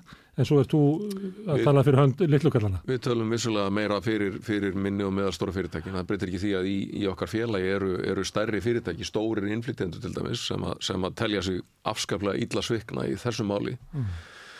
Og uh, fólk bara næri ekki upp í neðu á sér sko. Ekki frekar hún Margrét hérna, y- yfir þessu máli. Uh, Fólki finnst það illa svikið, að tröst þess að það hefur verið misnotað en um leið segja menn sko í ákvörðun samkeppnisættilisins fæ ég loksins svör við spurningum sem ég hef búin að sitja og velta fyrir mér í mörg ár Mm. Af hverju var ekki skilaðin betra tilbúði af hverju var bara ekki skilaðin tilbúði í tiltakna flutninga og svo framvegis Þannig að þetta kemur hérna- fólki ekki óvart. Ekki þetta það- komi á ekki óvart. þannig- nákvæmlega, Stundum er það þannig. ekki þannig lagað og, og, og sko þetta vissum enn fyrir tveimur árum þegar að eimskip undirgengst þessa sátt og er henni játar brot þá áttuðum henni segja því að það hefði verið matkur í misunni en núna sko liggja málsatvekin fyrir og í mörgum tilvikum eru þarna bara nafngreind fyrirtæki þannig að fólk bara áttar sér nákvæmlega á því hvernig þetta snýri að, að uh, því sjálfu og þeirra, þeirra fyrirtækjum. Og já, það er bara mikil reyði og, og svona frústrasjón, ekki sístakna þess að, að, að fyrirtæki eru oft búin að vera í löngu viðskiptasambandi við annað skipafélagið telja tröstið augljóslega misnótað vilja ekki vera þar hvert er það að fara? Mm. til, fara til hins skipafélagsins sem var, sem var með í brotunum Mm. það, það, það er ömurleg staða og þess vegna náttúrulega skiptir svo miklu máli að okkar mati að, að, að láta ekki hér við sitja með viðurlögum við þessum samkemmisbrotum heldur að horfa fram á við og skoða hvað er hægt að gera og já, ég tek undir það þar, þar uh, leika stjórnvöld vissulega hlutverk Mm. Það hefur svolítið að- komið fram í að- þessum samtölu mínum við Já, ímyndilegt fólk já. að það er eins og stjórnvöld séu ekki að stuðla að aukinni samkynum í Íslandi heldur í þvertamóti, það er nú tekinn dæmi um það eins og aðstæðan í Sundahöfn og fleira Já. þar sem að sko aðgerði stjórnvalda Mm. raunverulega ítundi fákjöfni sko sagan er svo uh, undanfarin svona 20 ára minnstakosti sem ég hef fylst vel með þessu er að álit samkeppnisættilitsins til stjórnvalda eru yðurlega hunsuð Mm. að fólk bara svona hummar þið fram á sér og gerir uh, lítið eða helst ekkert af því að það er svo óþægilegt að þurfa að stíga á alls konar hagsmunna tær í þessu máli held ég að, að, það, það bara verði ekki umflúið. Eh, sko áliti samkeppnisættilitsins sem að koma út daginn eftir að ákvörðinu var beint til innviðar á þeirra til eh, Reykjavíkuborgar og annar sveitafélaga til Faxaflóa Hafna Eh, Ég hef reyndar ekki séð innviðar á þegar hann tjásið um þetta, ég hef séð að, að sko menningar Hann er í veikindaleyfi, hann var að fá nýja einmitt. Menningar og viðskiptar þegar hann hefur komið með þetta mál í tvígang inn á, á ríkisundafund, þannig að ég vona að þar sé nú einhver vinna að hefjast. En við munum ganga fast eftir því hjá félagi afturnureikanda að stjórnvöld, uh, ríkistjórnin, sveitafélagin, fagsaflóða hafnir geri eitthvað í þetta sína. Því að sko samkemmisættiliti komið svipu tilmæli fljótlega eftir hrun um það hvernig væri hægt að, að, að hérna, lækka uh, aðgangshindranir eða draga úr aðgang, aðgangshindrunum á flutningamarkanum til að stuðla að læra vöruverði og betri lífskjörum og það gerði enginn nokkuð skapaðan hlut með það Mm. Ég ætla aðeins að fá að hérna, hérna, leiðrétta það að samtöku atvinnlýsins hafa ekkert gert vegna þess að þau hafa nú gefið út einhverja tilkynningu og sendt og ég var einmitt að lesa hann inn á heimasíðuna þeirra áðan en Mm. skiptir ekki máli vegna þess að í samtökum atvinnlýsins eru 2000 fyrirtæki og ég er nú búin að vera að tala við fullt af fólki sem að vinnur þar í húsinu og sko ég held að, að þessi sko 1998 fyrirtæki sem hugsanlega urðu fyrir barðin á þessum tveimur, Mm. þau eru brjáluð og ég veit að mörg þeirra sem hafa verið nafngreind eh, í, í hérna yfirliti samkynningseftirlitsins að þau eru sko löngu farin að skoða sitt mál, þau eru bara með hér lögfræðinga að velta fyrir sér hvernig getur við brúðist við, eigum við ykkur að skadabætur þannig að Er hérna ekki BL nefnd í skýrslunni? BL er nefnd í Þú skýrslunni. ert þar í stjórn? Já, ég er þar í stjórn. Eh, Við eigum fundi í næstu viku þar sem þetta mál verið tek, eh, tekið fyrir. Veist, Ölgerðin er búin að gefa út yfirlýsingu húsasmiðan. Það eru náttúrulega eh, sko, allir sem að verða fyrir barðin á sig, þeir eru brjálaðir. En menn er að velta fyrir sér hvenar er rétt í tímapunkturinn. Nú vitum við það að það verður komin einhver niðurstað þetta mál eftir kannski fjögur, fimm ár. Þetta áttur að fara fyrir áfrýjunanemnd fyrir alla öll, hérna dómstíin. Þannig að kannski endalega niðurstað erum að sjá eftir fjögur, fimm ár. En það er hugsanlegt hvort að viðskiptavinnir Eimskips eigi meiri e, sko rétt á því að bregða strax við venn að Eimskip hefur jú viðukent brotin en samskip ekki þannig að Mm. það verður nú áhugavert að sjá hvernig þetta spilast úr þessari stöðu. Ég held ég færi rétt með það að, að sko dómar í skadabótamálum sem voru hafðuð á hendur olíufélagunum eftir olíusamráðið eh, þeir fjallu í hæstarétti 12 árum eftir að það mál kom upp sko. Já, nei, við ætlum ekki að býða svo mikið. Það vonandi. En varðandi þetta hvort að sko samtök atvinnlýfsins eða málsvarar atvinnlýfsins hérna, mæli fyrir samkeppni uh, þetta hefur komið fram í mörgum samtölum hér það er til dæmis benti Pál Gunnar á það að, að sko stemmingin væri eiginlega að, að sækjast eftir stærðarhagkvæmni. Það var eiginlega línan frá atvinnlýfunum hérna svona sterkustu málsvarum þar frekar heldur en að stöðla samkeppni. Uh, Hanna Katrín Friðriksson var hérna gær, hún var að tala um það að í Skandinavíu hefði sér komið á óvart þegar hún heimsótti sambarleg uh, samtök og samtök aðlýsins að þar var sagt, línan svo að þau var að vinna með stjórnvöldum í það að, að, að auka samkeppni, berja niður fákeppni og annað slikt. Þannig að það er svona ríkjandi hugmynd hér á Íslandi að samtök aðlýsins séu frekar í hinuleginu. Já, það er kannski bara einhver, einhver, einhver mýta sem hendar mörgum sko og hérna ég er nefnilega, skilur, ég hérna var nú formaður samtaka Vestlun og þjónust í, í, í sex ár og ég reik nú bara lítið að svona típist fyrirtæki þannig að ég hef nú alltaf sagt að, að, að ef þú vilt hafa áhrif þá þarftu bara að bjóða þig fram og vera virk í því þannig að ESSA sé eins og ég segi með þessi 2000 fyrirtæki þá er hún ekki mörg fyrirtæki í Íslandi sem að telja stór. Hvað myndir halda þau varu mörg óli? 20-30 kannski eitthvað sem að telja stór. Minna hinn hin 1900 fyrirtækin í samtökum átilninsins eru bara þessi típisku íslensku fyrirtæki.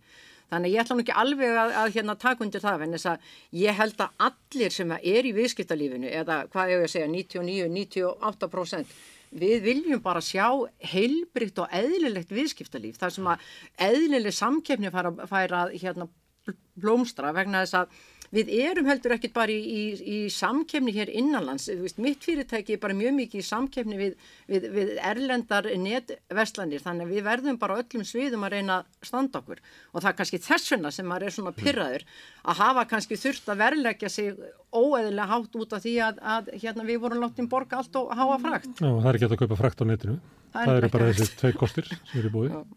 Það, það, það eru minni keppinötar eins og, eins og tórskip og, og, og smyrirlæn karg og, og svona vegis en þau hafa enn sem komið er ekki, ekki mikla getu sko og hérna stærri fyrirtæki hafa verið engan valkostum að færa sín viðskipti þangað yfir 1 og 3 sko. Mm. En hversu einstakt er þessi insýn inn í, í brot á samkynni í, í skipalflutningum?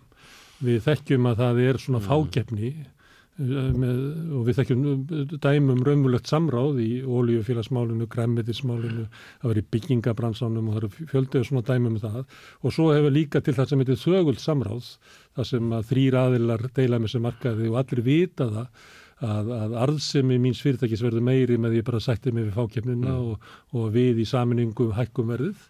Mm. Þannig upplifir fólk held ég bankabransan, uh, tryggingafélagin, ólíufélagin. Mm, það er hérna, samkefni í ólíuverslun í örlillum radjus í kringum Costco. Þarfur utan þá er bara ekki samkynni. Við, sá, við sáum það nú um daginn sko, við kannski dæmið um þetta sem þú nefnir þegar, þegar bankatinn voru að bregðast við samkynni frá Indo mm.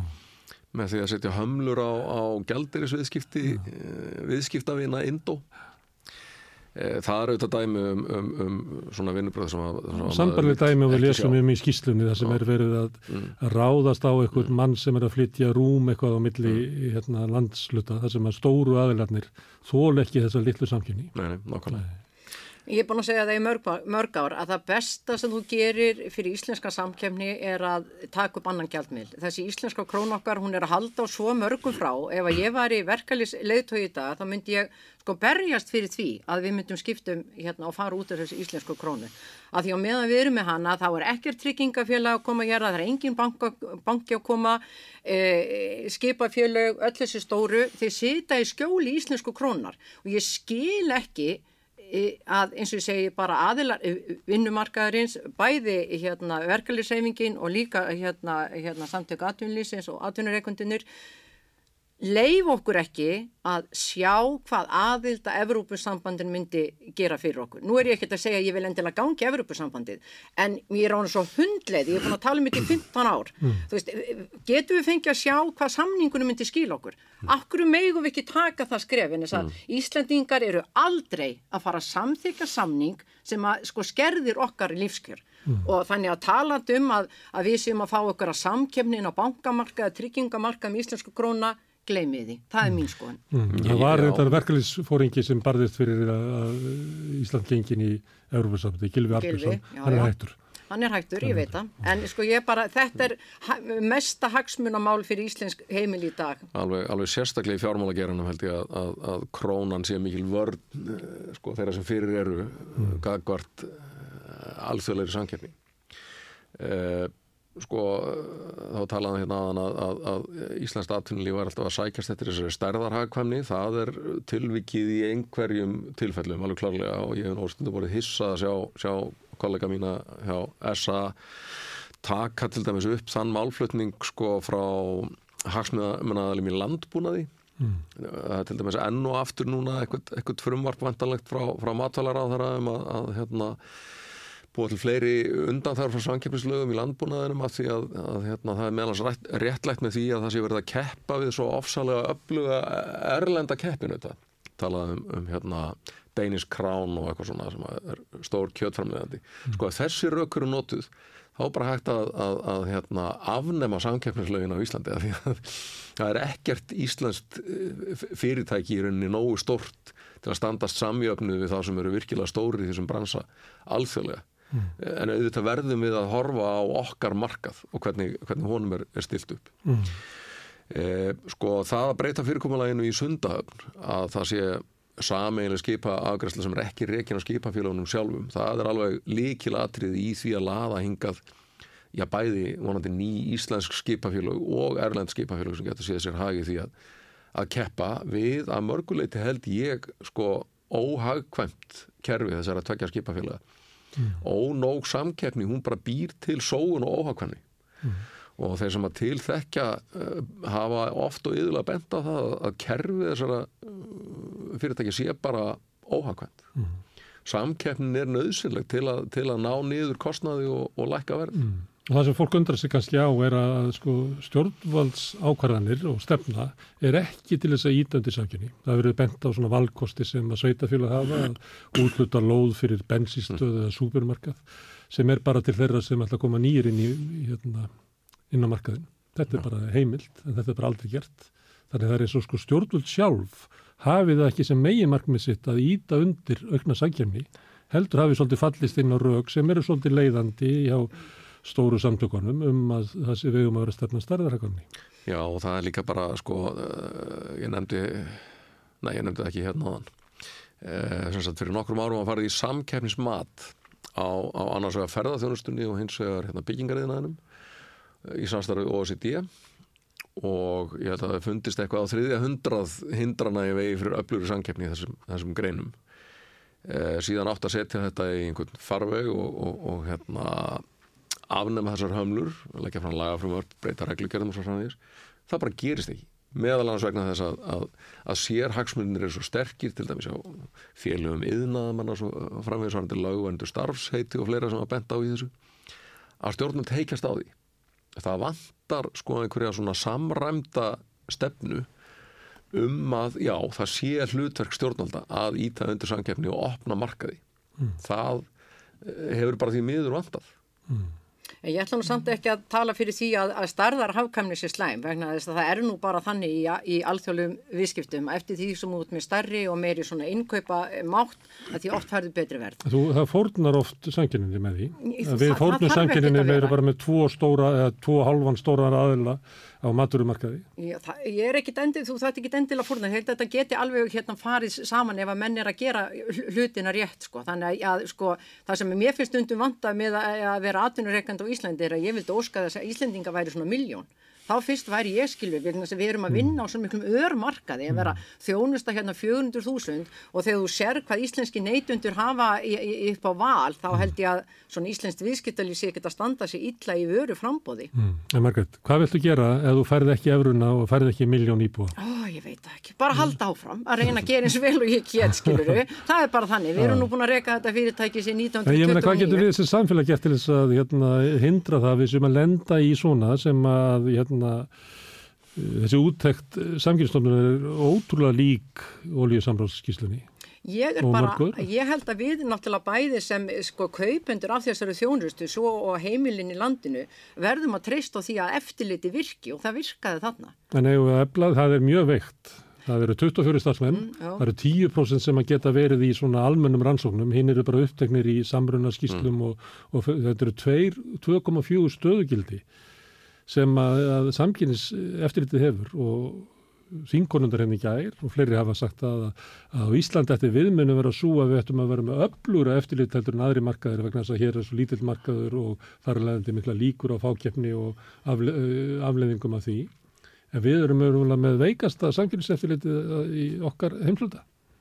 Já, já, það hefur nú stundu verið talað, Óli, og við þekkjum það nú verið að tala um þannig eftirlis yðnað, hvað hann sé Já. dýr, en ég held að, að við verðum að, að geta treyst á það að eftirliti virki. og hvort að það þurfi þá að auka starfsmannafjöldan hjá samkynnseftirlutunni þekki ég nú bara ekki alveg nógu vel en ég held að við þurfum allavega að tryggja það að, að, að við getum treyst það að, að hérna, eftirliti sé það stert að það virki og komi veg fyrir að við öll séum fáum þennan, þessa rýtinga í baki eins og við fengum núna. Ég ætla að fá aðeins að gera greinarmun á sko, samkeppniseftirlitinu og öðrum eftirlitsiðnaði.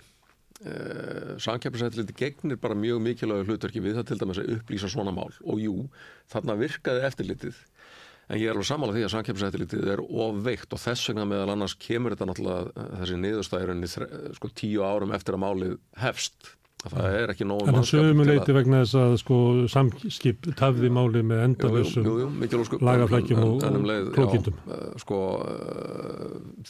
þessir starfsmenn samkeppniseftirlitsins hafa mörguleiti unnið þarna þrekvirki og það er alveg rétt. Það eru allt og margir bundnir í til dæmis samruna eftirlitinu, það sem eru lagbundnir málsmeðferðarfrestir og ég hef stundum sagt að, að það þýðir það að ef stóru krakkarnir á, á markanum verður döglegir að kaupa upp fyrirtæki og saminast þá sko dregur úr öðru eftirliti með þeim. Málunum er stundum stilt upp þannig að, að samkeppnis eftirlitið sé sko andandi niður um hálsmálið á öllum og til óþurftar og tefjandi mál og þvælast fyrir og svo framvegis. Og að fórnarlömpin í samkeppnismálum séu fyrirtækin sem er undir eftirlitið því rannsóknar samkeppniseftirlitið í þessu mál er það svo skýrt að þólendunir í, í brotinu eru sko fleiri þúsund eh, mest minni og meðalstór fyrirtæki sem hafa þurft að borga hærri flutningsgjöld en þau hefðu átt að borga eh, og eh, svo, svo augljós hagur af öflugu samkeppnisættiliti Mm. Þannig að það er uh, meðalstóra fyrirtækja og lítilla Algjörlega. að hafa öflugt samkvæmseftirlit. Já, algjörlega samanlega því. Og ég, ég sko, sko, eins og ég segi, ég er búin að reyka þetta fyrirtæki sem ég, ég er í forsvari fyrir núni 30 ár. Og ég held núna bara í fyrsta skipti fyrir tveimu mánuðum þá fekk ég svona, hvað er maður að segja, eftirlit inn á gól til okkar og við fengum átjóðsendi, það var verðlags eftirlitið. Það höfðu strákanir í hérna, hljóðdeildin ekki passað upp að það verðmerkja vörurna nógu skýrt, þannig að við fengum einhvern frest til þess að laga það sem við og gerðum og, og hérna, þeir kom aftur og, og tókut út og, og bara segði bara fínt svona, svona að gera hlutina en þetta er það eina sem að ég hef nú fengið af þessum eftirlits yðnað inn á gól til mín á einhverjum 20 árum pluss Mm. þannig að það er ekki að mikið álag á þetta er ekki mikið álag á mér sko Eitt sem hefur rætt um að það þurfa að ebla samtök neytenda á Íslandi. Það verður skoðan á því. ekki spurning og ég- mér finnst Breki að vera að gera mjög góða hluti, hann er verið mjög sínilegur en ég eins og ég segið áðan þegar, eh, hérna, þegar þetta mál kemur upp að þá er eins og það sé verið að, að hérna, eh, berja engung og neytundum en, en sko fórnalömpin í þessu máli eru svo miklu fleiri, það eru eiginlega öll fyrirtækin í landinu sko og þar að leiðandi náttúrulega heimilin og neytundur Þannig ég held að sko fyrirtækin og neytundur þeir eiga á sérstaklega þegar svona mál kom upp Mm. bara algjör að samlið. Íslandingar eru frekar lélegir svona neytenda Ekki, betur aktivistar. nú ætla ég að því að breki kemur hérna stundum og Mm. andbæri þessu. Segir að við séum bara góður neytundur. Mm, bendir á svona dæmi þar sem við bregðum strætt við. Og, Já, ég man ekki eftir mörgum dæmum um til dæmis að einhver, einhver varað þjónust að verið sniðgengin þannig að það hefði raunverulega áhrif á einhverjar ákvarðanir. Það er ekki mörg dæmi svo leiðis. Munið þið eftir einhverju? Það var, var möguleik einu sinni þegar það var hérna kastljós eða þáttur um, um brúnegg. Jú, en þá voru eiginlega búðina Já, búin að taka það já, úr nákvæmlega. hillunum Mm. áður að þáttur var Mm, búin. mm. Þannig að neytendur fengu ekki að, að sína viðbröðinu. Nei, en ég held að, að íslenskir neytendur séu ekkit mikið verri en aðri neytendur En neytendasamtökin hér eru veikari heldur við að skan annars staðar. Víða það sem að hafi verið ekki orðið svona sögulega til sterk neytendasamtök sem eru kerið áfram á félagsgjöldum, þá hafa stjórnvöld hérna, byggtur umvel upp, þannig að staðan í Noregi til dæmis. Ég, ég segi nú stundum sko það, það er kannski íkt að horfa til landa eins og Fraklands eða Spánar eða Ítalju ég, það var nú eh, verið að tilkynna í dag að enn og aftur ætta til dæmis að hækka áfengiskjöld Mhm. hérna, sem eru þau hæstu í Európu og þó víðar væri leitað Eh, sko ef að það kemi einhver kemi franskur fjármálar að það og segði hérna að vanta peningi í, í ríkiskassan og við ætlum að taka upp íslenska skatta á áfengi Mm. þá er því Frakland bara óstarfhæft í mánuð vegna, vegna fjöldaða mótmæla sko. En í, íslenski neytendur láta sig einhvern veginn bara alltaf hafa þetta og, Ég hef reynda sniðgengið á áfengi. Ég hef reynda sniðgengið áfengi í 28 Já, ár. en það eru öðrum ástæð Það var eitt sem að, ég tók vitar við hann hérna Pál Gunnar. Og hann lísti ástæður svolítið þannig að að vantaði bara málsvara samkefnu í Íslandi. Hann, hann lísti þessu þannig að það væri verið að reka áróður fyrir umverulega gegn eftirlýstiðinaðinum eins og þið hérna er að benda á hér og það vantaði bara inn í pólitíkina og bara inn í hérna, almenna umræðis í, í, í samfélaginu um mikilvægi samkynni. Ég hlusta hún reyndar á þáttin í gær með, með þessum þreymur Já. stjórnmálakonum sem þú varst að taka viðtal við. Já. Mér fannst þar allar mjög uh, hérna sannfarðar á því að þessi mál yrðu mjög uh, fyrirferða mikil Í á þinginni. í framtíðinni. Já, já, núna í Já, vetur já, sem já, sagt já. og eftir þetta mál, þannig að samkynnismál yrðu, yrðu eh, eftir því sem að ég las hún út af þeim tekin föstum tökum og, og það er bara vel. Já, og það vantar. Já, já, þetta litla atrunreikanda félag sem ég stýri nú sitt besta en við erum auðvitað, auðvitað hérna, fá og, og lágvær Mm. uh, ég, ég er sammála því að, að, að þessa rödd hefur vantað í pólitíkina að minnstakosti þegar að uh, ég, ég nefndi aðan sko viðbröðin við, við álitum og ábendingum samkjöfnisættileysins í gegnum tíðina. Það bendur að minnstakosti til þess að þegar að fólk er sest í valdastólana Mm. þá hafið ekki mikinn áhuga á að láta til sín taka. Kannski breytist það, ég veit ekki. Mm. mér, mér fannst það áhugavert að heyra í, í, í bæði fjármálar og fórsættisaðara í, í fréttum núna í framhald af þessu máli. Þau tóku svona kannski dýpra í árinni heldur en, heldur en stjórnmálamenn hafa Sérstaklega þegar það gert. fór að líða á Mm. að það var svona, þau, þau taka dýpra í árinna þegar kannski svona vikar liðin frá um, umfjöllunni, það sem þau eru að reyna svona að meta Mhm. hvernig þetta er að leggjast í þjóðina og, og ég upplýða þeim mitt að þau væri svona að gefa aðeins í að það Já, væri þetta- raunverulega ekki hægt að hunsa þetta Nei og við það sem maður heyrir að er kraumar svona eh, bakvið í viðskiptalífinu þó allir séu svona svolítið að reyna bara að meta sína stöðu að því eins og ég segi þetta málun ekki búið og, og, verður vantanlega ekki lokið fyrir en eftir fjögur, fimm ár að þá eru menn bara strax í dag að meta sína stöðu en þess að mönnum er algjörlega misbóðið. Þannig að hérna, ég held að, að það er allavega langt síðan Óli það hefur komið upp svona mál þar sem maður finnur skilur það bara eh, hárin og baki fólk skilur það bara vum ívist upp sko. Mhm. Því menn bara höfðu ekki trú á að þetta gæti gerst. Og af eins og ég segi, þetta eru félagar okkar skilur og, og, og hérna við höfum ekki að treyst á að þeir séu að gera eins vel og þeir geta fyrir okkur. Jú, ég, ég hef aðeins rætt hugtakið viðskipta vinur í þessu samhengi. Já. uh, skipafélagin eiga bara enga viðskipta vini í dag. Og hvernig þau og, og, og sko viðbröðin við þessu eh, eru þannig að þau hafa ekki endurheimt á samskip bara móast við og neytar öllu og svo framvegis sem er aldrei skrítið þegar að uh, mót aðilinn er búin að viðurkenna allt. Eimskip þeir og svona hvað var þar ímynd og, og, og, og hérna, viðskipta vild þessara fyrirtækja árið þessi viðbröð ekki gera nokkuð skapaðan hlut fyrir því. Staðan bara versnar með hverjum deginu sem líður. Hörru, Margrét Ólafur kærið þakki fyrir að koma hingað og ræða þessi mikilvæga mál. Við munum halda áfram að ræða samkynna í framhaldinu en hér á eftir kemur nýr liðsmaður Rauðaborgsins, Otni Eir Ævarsdóttir og kemur með eitthvað allt annað mál á dasgrám.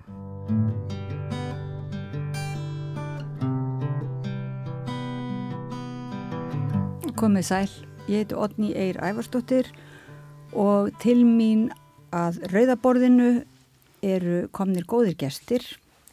Uh, Það er Birna Bjarnadóttir, rannsóknar sérfræðingur í bókmyndum við Háskóli Íslands og Friðrik Rapsson, þýðandi og leðsugumæður.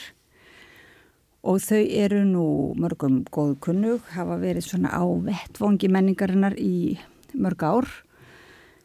En tilefni þess að við erum hérna samankomin svona á vettvangi dagsins er einlega um, svona nýlegar fregnir af andláti tveggja stóra reytuvenda. Það er annars vegar Guðbergur Bergson og hins vegar Milan Kundera, tjekknesk franski höfundurinn. Uh, sem að Friðrik er mitt þýtti, ég held að þú hefur, þú hefur þýtt allar bækur hans er ekki yfir á íslensku. Já, Alla, alla bætuna, já. Takkaði fyrir það. Það var aldrei hérna, vel þegið og vel á sér vikið uh, og þú Byrna tengist Guðbergi gerur um hann doktorsritgerð skrifar um hann doktorsritgerð og hefur nú skipulagt uh, málþing og umræðufundi í kringum hans bókmyndir og, og gegnum tíðina. Og mér langaði sko til þess kannski að svona að þessu tilefni að ræða um pínultið þetta svæði sem þessir tveir menn uh, eiga það sammeinlegt að hafa í öllu sínu starfi og lífi uh, lagt mikið á sig að búa til einhvers konar vettvang til þess að geta tjáð sig náttúrulega í bókmyndum en líka, svona, já, þetta eru báðir má segja tilrönakendir höfundar og sem þurft að berjast fyrir því að fá að segja það eða segja það sem þeir vildu segja og, og, og ver, verða samt eins og lesnir og viðurkendir einhver leiti og en líka lendu þeir í svo litlum svo litlu harki á í samræðinni sem bara sem höfundar þá og sem borgarar og menn og lendu í töluvert mikilli anstöðu held ég megi segja. Og mér langaði bara aðeins til þess að uh, þótt að sé nú kannski svolítið snemt að fara að tala um þá í mikil í fortíð að þeir eru ný, nýlega fallin frá að það langaði mig samt til þess að freysta þess að hérna bara velta upp nokkrum spurningum um þeirra stöðu uh, á þessum svona sko pólitíska og ópólitíska vettvangi. Því við erum hérna við rauðaborðið og og, og samstöðinni við erum að reyna náttúrulega að búa til vettvang fyrir fleiri rattir að heyrast, fleiri sögur fleiri sjónamið uh, og þá er þessi spurning sem að þeir glýmdu við hvað á höfundurinn að segja hvað má hann segja og hvað á hann að segja og hvað á hann ekki að segja. Og mér langaði kannski bara rétt til að byrja að lesa hérna sagt tilvísun í þessa nýjustu bók. Ja, er, er, er þetta ekki nýjasta þýðingin? Jú, þetta kom út í fyrra Já. Hún kom út í fyrra. Þetta er þýðing þín á bók Kundera Svikin við erðarskrárnar og þar segir hann að nema hinn siðferðislega dómur gildi er ekki siðleysi skáldsögunar heldur siðferði hennar Siðferði sem beinist gegn þeim rótgróna vanamannsins að dæma strax án afláts og alla. Dæma fyrirfram á þess að skilja. Allur þessi ákafi manna við að dæma er frá sjónarmiði visku skáldsögunar hinn fyrirlitlegasta heimska, skelvilegasti háski. Ekki það að skáldsaknahöfundurinn hafni algjörlega rétti manna til að hveða upp siðferðislega dóma heldur sendir hann það út fyrir svið skáldsögunar. Það var, svo sleppi í nokkrum línum, það var gífurlegt afreg að búa til svæði þar sem siðferðisleir dómar eru numdir úr gildi. Og það er náttúrulega, já, laung saga út af verið sig. Uh, getur þú byrjað á að segja mér aðeins Fríðrik svona frá hvernig, hvernig þú sást kundera sem höfund í þessari viðletni? Já, sko, hans hugmyndir um skaldsóna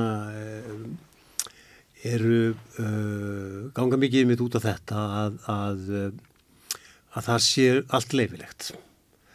Uh, að sköpunar, að, að það sé að nota allskeiðsefni við í skaldsóna, fellaði á hverju form og, og, og, kallaði skaldsó og þá er það þarf ekki að fara nefni, eftir nefni formúlu og þar er hann jákvæðinni uppreist, gegn sko rönnsæðis skáldsögunni sem að var ríkjandi í svona setnipart í 19. aldarinnar og fram eftir 20. aldinni þar sem að eh, allt átt að vera afskaplega trúverðugt og lýsingar eins, og verið annars ljósmyndir, dragu upp lifandi myndir af fólki og svo framvegis og síðan var kannski endapunkturinn á, á þeirri reyfingu þeirri stefnu svo sósjálrealismi sem var uh, hinn ofinbæra stefna í, uh, í Sovjetregjónum og í, uh, í þeim löndum sem voru sem rúsa lagði undir sig svona fyrirparti 19. aldarnar og jável, nei 2000 aldarnar fram með henni þannig að, að sko hann, hann og það var bara línan bara ríkislínan var sósjálrealismi og allt sko frávíkvar því var ekki skaldskapur Þannig að, að hann uh, rís og fleiri náttúrulega þannig sérstaklega á sjönda áratögnum rís mjög upp gegn þessu og, og ganga, ganga einmitt svo langt að segja að það er bara allt leifilegt og það er ekkert sko siðferðis mælikvarðin og svona eitthvað svona hugmynda um, hugmyndaheimur sem að við, við e, telli, notum í hverstags lífinu listin hún, hún eh, má taka hann þeim tökum sem henni sýnist og, og hérna og það engin að, að leggja listamönnum línur með það, frekar en annað. En svo flyttur hann til Fraklands og það má segja á þeim tíma allavega var kannski ekki, voru mann ekki sérstaklega uppteknur af því hvað mátti segja og hvað mátti ekki segja. Þar var umverulega ákveðið leifi til, fyrir hendi til Mhm. staðar og samt lendir hann í einhvers konar um, hvað, ekki beint deilum er það, en svona hva- hvað verður um slíkan höfund þegar hann er komin úr þessu samingi þar sem hann er að berjast fyrir réttinum til að segja það sem hann má segja? Já, sko, það, það sko, samhengið þegar að, eh, kannski áratugina undan, uh, hann, hann flyttið til Fransland 75. Þá hafði á, á sko sjönda og fram eftir á, áttunda áratögnum, þá var uh, sko nýja f- sko franska skaldsagan, nýsagan með Rókrígi í broti fylkingar. Það var svona það sem var, var þeirra uppreist gegn uh, raunsæginu. Uh, það var aldrei mikið svona elitista uh, reyfing og, og, og um, almenningur kvekti lítið á þessu. Þetta var aldrei mikið svona bókmenta elitan, eins og maður segja og að, að margra dómi og þar meðal mér óskaplega leiðileg reyfing. Þetta var sérstaklega þraut leiðilegar hérna, bækur sem að snerust aldrei um sjálft sig. Þetta var svona listin fyrir listina og, uh, og, og, uh, og, og þar lendi vor, var, var svona, uh, hann kemur inn í uh, samingi það sem að er aldrei deyð svona og uh, síðan þegar bókinum Plátur og Glemsku kemur uh, út uh, 79 og síðan óbærlega lettliki tilvörnar uh, 84 þá uh, uh, er hann og reyndar fleiri sem alltaf sprengja alltaf sér ungt fólk og lesendur að, að góð skaldsaga sem hreyfir við manni getur líka verið bráð skemmtileg. Áramanni og, og, og, og hérna stríkumanni uh, andhæris eins og stundum er sagt en, en getur líka verið mjög, mjög hérna svona uh, vegumandul umhugsunar en ennuleg mjög skemmtilegt. Þannig að hann svona uh, sprengir svolítið þessi já svona kemur svolítið eins og ferskur vindsveipur inn í frekar svona drungalegt andurslóft eins eins og ég sé þetta. Og margir núna þegar hann uh, lést þá voru einmitt margir höfundar sem er núna kannski á miðjumaldri sögðu bara já þetta er hægt. Og, og fóru kannski að, sá, fóru að skrifa meðal annars út af því að sá að það er hægt að gera eitthvað annað heldur en nýsaðan eða fylgja í kjölfar hennar. Fóru ekkert að skrifa eins og sjálfsögð en einhvern veginn sáu bara að það eru sko það eru engin takmörk. Og að því leiti þá uh, held ég að hann hafi svona bæði opnað ímsara gáttir en hann fekk ímsa uh, mót sér, já, já, hann, hann uh, sérstaklega var uh, sko, hann, hann tala alltaf um að hann var ekki sko uh, útlægi uh, venn að sko sérstaklega ákveðin svona ákveðin uh, kreðsa í, í, í Fraklandi vildi vera ásvalega góð við hann að því hann útlægi Mm. og svona hefja sjálfsög upp að því að vera góð við útlaga, auðmikið útlagan. En hann hafnaði því alltaf, ég er ekki útlægi, ég er bara flutti til annars lands og þarf ekki að vorkina mér. Og, og stöðaði einmitt marga út af því þannig að, að hérna en almennt nautan mikilvæg hilli og velvildar og, og, og, og mikilvæg vinsella á þessum tíma Já, svo náttúrulega koma bíómyndirnar sem að þeir báðir verða, hérna, það eru gerðar bíómyndir uh, Já, já, mér eftir já, sögunum, en, en það er nú kannski önnur saga, en þarna er hann samt þegar einhver vill gera uh, taka mótunum sem útlaga, þá er hann að berjast fyrir því að hann sjálfur ætlar að skilgrina á hvaða Já. fórsendum hann er og hver hans funksjónir. Já. En Birna, hérna, þegar hann nefnir uh, Rob Gríi, var ekki eitthvað, uh, var ekki eitthvað, eitthvað nettur skandall þarna þegar Rob Gríi kom til, getur nokkur rifjað það upp? Ég man ekki alveg hvað það var. Bókmyndaháttið. Það var á bókmyndaháttið. Jú. Og hann var einn af höfundunum, sko stóru höfundunum sem komu á þá háttið. Þetta var, ég var þarna. Þetta var eh, 80, var þetta 87? Já, Já. Og byrju, sagði, Uh, var ekki Guðbergur með eitthvað svona... Jú, þá var hann með einslag, við ætlum bara að kalla það það, hann var með einslag og, og á íslensku Já.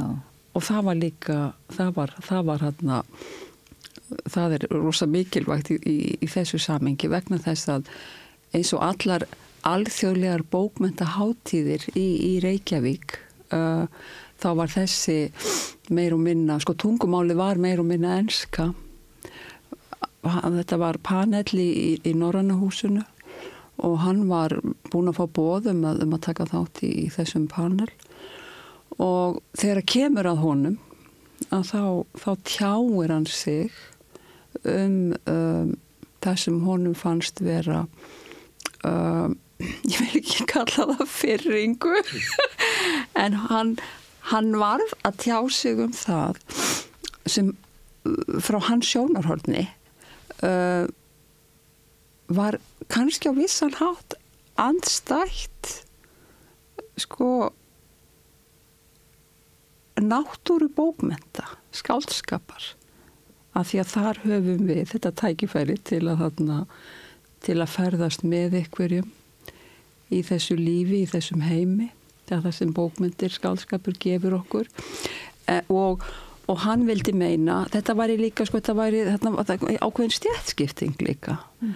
vegna þess að hann sagði náttúrulega allt vinnandi fólk, kæmist ekki á bókmyndaháttíðina Já þannig að hann var raunverulega hans upp, var það, hans atrið var að gera lítið úr bókmyndaháttíðinni? Hann var ekki að gera lítið úr henni, hann var að gaggrina og ég held að þetta sé líka aftur mm. Við megum alveg hafa það í huga sko, mm. hann er ekki endilega að gera lítið úr mm. eða líta niður á hann er að gaggrina en svo má maður hafa álit á því og skoðun uh, hvenar hann gæti mögulega hitt í mark með gaggrinni og, og hvenar ekki sko, en það var það að, já, já náttúrulega menn, það má nú mm. sannig segja að menn hafa verið óbúslega mm. Sem sagt ósamála honum Guðbergi gegn tíðina þegar hann tekur sér til og svona hérna gaggrínir eða talar um ímislegt svona og þannig að hann er nú aldrei búin að vera duglegur að velta upp flötum og svona róta upp í samræðinu og umræðinu um bókmyndir og annað mm -hmm. en og hann skrifar um það já í hérna, eftirmálanum að, að þýðingunni á Lásarins frá Tormins þá segir já. hann sko, er hann lýsa mm þessum höfundu, óþektu höfundu segir, hann er óþekkur já. hann er rekjalómur mm. og, og, hann já. vill ekki láta raunverulega negla sér niður við ákveðin flokk, við ákveðina Nei. skoðun hann vill raunverulega alltaf halda þessu frelsi að geta sagt hvað sem er og geta gaggritt og rifi kæft en hann reyf kæft en fannst þetta að vera politist hjá honum, vildi hann geta rifi kæft að því hann segi líka hérna í viðtali við Kristín Ómarsdóttir í bókinni sem að þú rittstýrir mm -hmm. að þá segist hann hafa verið í sósélistaflokkum og verkalisreifingunni mm -hmm. og síðan hafa hann uh, í upphafi sem ungu maður já, sem já. ungu maður og síðan já. hafa hann hérna mm -hmm. farið út úr því vegna þess að húnu fannst vera þessi svona ein áherslu á það að allir ætti að hafa sömu skoðun eða tjási og svipaðan hátt eitthvað svo leiðis. Já, ég held að hann ég held að hann hafi um, sko það sem ég held í verðum líka að að spá svolítið í sko líka í tengslum við sko hans gaggríni á, á þessu ofinbera sviði þegar hann er að senda písla í fjölmiðla um, eða tjá sig á ykkurum viðbörðum um, þetta er ofinbært rými þetta er ekki sko farvegur skálskaparins eða listarinnar uh, í, í verkum hver sem þau kunna vera. Uh, þá held ég að, að og það var það sem sko mér fann svo heillandi og þetta er eina af ástæðanum fyrir því að ég ákveða að skrifa um hans skálskap, hans verk sko svolítið langa reitkerð á sínum tíma það er sko hann er líka hann er talsmaður einstaklingsbundinnar fagfræði mm. og það þýðir meðal annars það að það getur verið svolítið flókið fyrir listamann sem er talsmaður einstaklingsbundinnar fagfræði mm. að tengja sig með beinum hætti við einhvern, einhvern, einhvern, einhvern þarna, flokk eða einhverja stefnu þannig að í rauninni uh, já, sko, smám saman eins og þú saðir hérna áðan, sko, báðir þessi tveir höfundar sem við erum að tala um hérna í dag, þeir, þeir, þeir gera það sem þeir geta í mjög langan tíma til að, til að standa vörð um eitthvað svæði sem er sko á þeir, þeirra náttúru að þeir geti sko verið á ekkun hátt frjálsir. En eins og með Guðberg sko hvaða tegunda frelsi er það? Sko skinjunin er náttúrulega bara líki latriði og, og, og uh, ég er búin að vera að tala aðeins um það líka í öðru samhengi núna uh, kjölfarið, uh, kjölfarið á, á andlátinu. Sko það er bara eitt lítið textabrót og mannst kannski eftir þessu otni því að þú varst með okkur þarna í Hafnaborg 2002 Já. þau voru með málþing honum til heiðus þegar hann var sjötugur og, og það er bara svona mjög stutt brot sem er, sem er vísað í í, í engangi sko bókar sem byggir á þessum, á þessum erindum. Þetta er pínu lítil, lítil þetta er næstu í hefti, það er svo lítil þessi bók en, en þarna voru margir höfundar sem hérna, reytöfundar og fræðimenn sem komið saman honum til heiðus og hann sjálfur líka. Uh, og það er bara þetta litla textabrót sko, mér finnst það að vera uh, það getur einhvern veginn held ég um, hjálpað okkur öllum að, að, að, að átt okkur á sko hvað það er einmitt í þessu mögulega rými, þessu mögulega svæði sem hann sko er tilbúin að, að, að standa og falla með og ef þáttastjórnandin vil gera okkur þann heiður Nú. þetta er bara nokkra línur, Otni, lest þú þetta hérna? Leskljóðan Já, þetta er bókin Hvað er Ísurdjúkinu?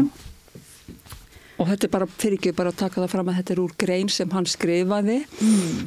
uh, sem byrtist í bók um Zoom uh, listahópin sem Já. hann var líka þáttakandi í Já. En fagurfræði, fegurð, það að njóta lífsins er meðal annar það að sjá hvert hlut, mennina og heiminn og geta síðan breytt því tilfinningu sem sérst og er áþreifanleg, hvort sem tilfinningin kann að vera þægileg eða óþægileg fyrir listamannin eða aðra.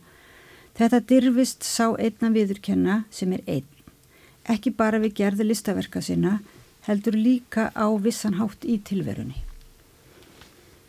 Þannig að það er raunverulega þessi einsönd sem að líka uh, mm. enginnir, mm. má segja þess að tvo menn, uh, þóttir hafi náttúrulega verið í sko sam, ma massífri samræðu við bara aðra listgreinar, við aðra lista, annað listafólk, en þá voru þeir kannski svo litið, var það ekki, þeir einangruðust á einhvern hátt, það er að segja þetta er leifi, bestaleifi sem þeir tóku sér og skáldaleifi til þess að, að rífa kæft og, og, og koma og segja svona svolítið hvað sem var, síðlegt og ósíðlegt, dónalegt og, og hérna og kurtist að það það var kannski mætti nú ekki alltaf uh, það setti það svolítið annars vegar upp á stall -hmm.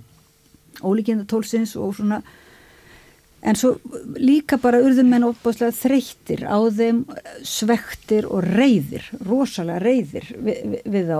Og hérna, mér langaði alltaf að byggja ykkur um kannski bara að því við erum að speikla okkur núna, ég held að núna á okkar tímum þá eru allir, ekki bara listamenn og reytöfundar, við erum svolítið öll að speikla okkur svolítið í fortíðin til þess að átt okkur á að því við, við stöndum fram fyrir svo... Uh, miklum vandraðum núna í, í mm. orðræðinu og í samræðinu einhvern veginn. Í til dæmis bara hvað má segja svona á, ákveð politíkli korrekt og hérna kanseleringar út og söður og, og allt svo leiðis um, sko hvað var það hvað var það svona sem var mest í skandallina því að ég, man, ég heyrði allavega í leigubíl í Prag frá Kundera, hann var opaslega gaggrindur þar sko Hvað var það? Út á hvað gekk það svona? Það var uh, sko það var aðalega það að uh, sko hann uh, einmitt uh, þetta með að fara sér eini leiðir það er það sammeðilegt og það er örgulega miklu miklu erfiðara heldur en að einmitt að bara fara inn í hóp og fylgja einhverjum ströymi og eh, tók mjög á veit ég að en, en þessi ákvörðin að, að flytja úr landi taka ekki þátt í að vera útlægi láta ekki líta á sig sem útlaga þar sé að gefa ekki bladamönnum eða, eða menningar elitunni Mhm. tækifæri á að vera sko, upphefja sjálft sig með því að taka hérna, snillingin útlagan upp á sína arma þar sé að nota, nota hann sér til framdráttar. Hann, hann hafnaði því algjörlega í Fraklandi uh, hann þegar hann flytur úr landi þá skilur fólk það mörguleiti uh, en það er nýlega greina skrifum það uh, einmitt verið að fara svolítið yfir þessa sögu og það kemur fram daldi vel að, að síðan þegar sko múrin fellur og, og, og, hérna og löndi verða sjálfstað þar meðal Tjekkland að þá að, sko var fannst fólki sem að var, varð eftir heima og þar að meðal þetta svona menningar fólkinu Mm. Uh, það átti eitthvað svona til, fannst ég eiga tilkall. Nú eigið þið sem eru hérna, hafi ekki gengið gegnum sömu þjáningar eins og við og allt þetta nú eigið þið að koma heim og hjálpa okkur að byggja upp framtíða Tjekkland hann hafnaði því líka alveg svo hann hafi hafnaði að vera fornalamp uh, sem hérna uh, útlægi Mhm. en þess að hann sagði ég er ekki politikus ég á ykkur, skulda ykkur ekki neitt. Ég, hérna, ég er listamaður, ég er rithöfundur ég vel bara mínar eigi leiðir og, og hérna og, og, bara sko þið er ynga heimtingu á að ég snúi heim og fari í eitthvað hérna, samfélagsstjónustu núna. Og þetta sárnaði fólki mjög. Uh, líka það að hann uh, sem sagt fór að skrifa á frönsku. Hann skipti yfir í frönskuna og vildi lengi vel ekki að bækurnar sem að, sko, voru skrifaðar á frönsku uh, sem vissu vendibúð þeirra aðalega eftir 1990 að þær eru þýttar á teknísku hann vildi ekki að neitt annar gerði það.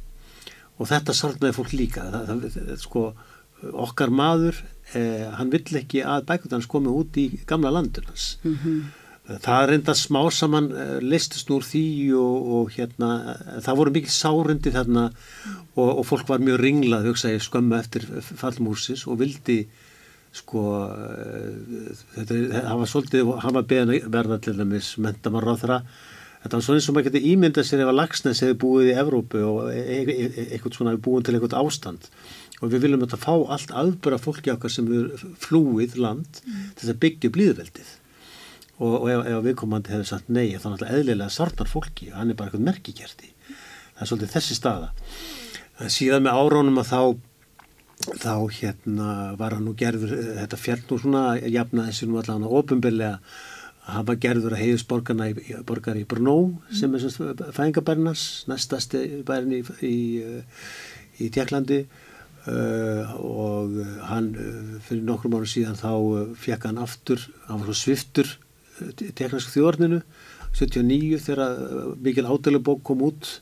Hann gerir grín að sko komunastónum og þeim sárna það er náttúrulega eðla mjög mikið og hérna homosleysingandi þar.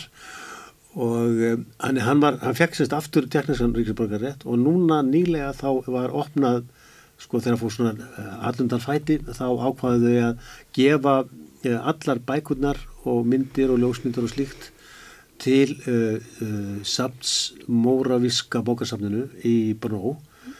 Og þar er heil alma sem, sem að ber nafn uh, Mílan Skundera þannig að, að áður en að hann kvatti þá var nú svona mistastu ofinberlega hérna búið að, að uh, semja frið og allt kom í sátt og samlindi en, uh, en En það eflust eru ykkur sama- sár? En þó já, já. Jú, já, það var eitthvað sem var verið að vísa í sko, það hefði einhver bladamæður, þetta ungu bladamæður gefið út bók og verið með einhver að reyna að búa til eitthvað skandalmál ennþá Já. um það að hann hef, hvernig hann hefði verið sem ungu maður uh, þegar hann var í kommunistaflokkunum og reyna að búa til skandal og, og þessi ungi maður í, í Prag sagði að það með ólíkjendu hvað, hvað sko raunverulega mm, já, menningar geiranum í, í hérna Tjekklandi tekst að, að rífast um kundera áfram sko, ár eftir ár. Þú, hérna en það sem maður hugsa þegar þú ert að segja þetta vilja hann komi og veri uh, vilja eigna sér hann einhvern hátt Já, já. það er svolítið sameilegt með uh, kom, komlu kommun kommunísku hérna ríkjónum og svo hérna, nýju kapitalísku ríkjónum, það er þessi áherslu á eignarhaldið Já. og ekki bara á eignarréttin sko heldur eign, eigna sér Já. og, og hérna Þetta er okkar, er okkar maður, sko. Okkar já, Já. og til dæmis, og náttúrulega margir ungir uh, listamenn í dag sem eru ekkert hrættir við það að, að hérna bera merki fyrirtækja eða þess leifa einhverjum að eða nota nöfnin sín og svo liði sko þannig að það er nú svolítið það, það verður nú alveg áhugaverð umræða líka í, Já, já, í framhaldinu. heldur betur.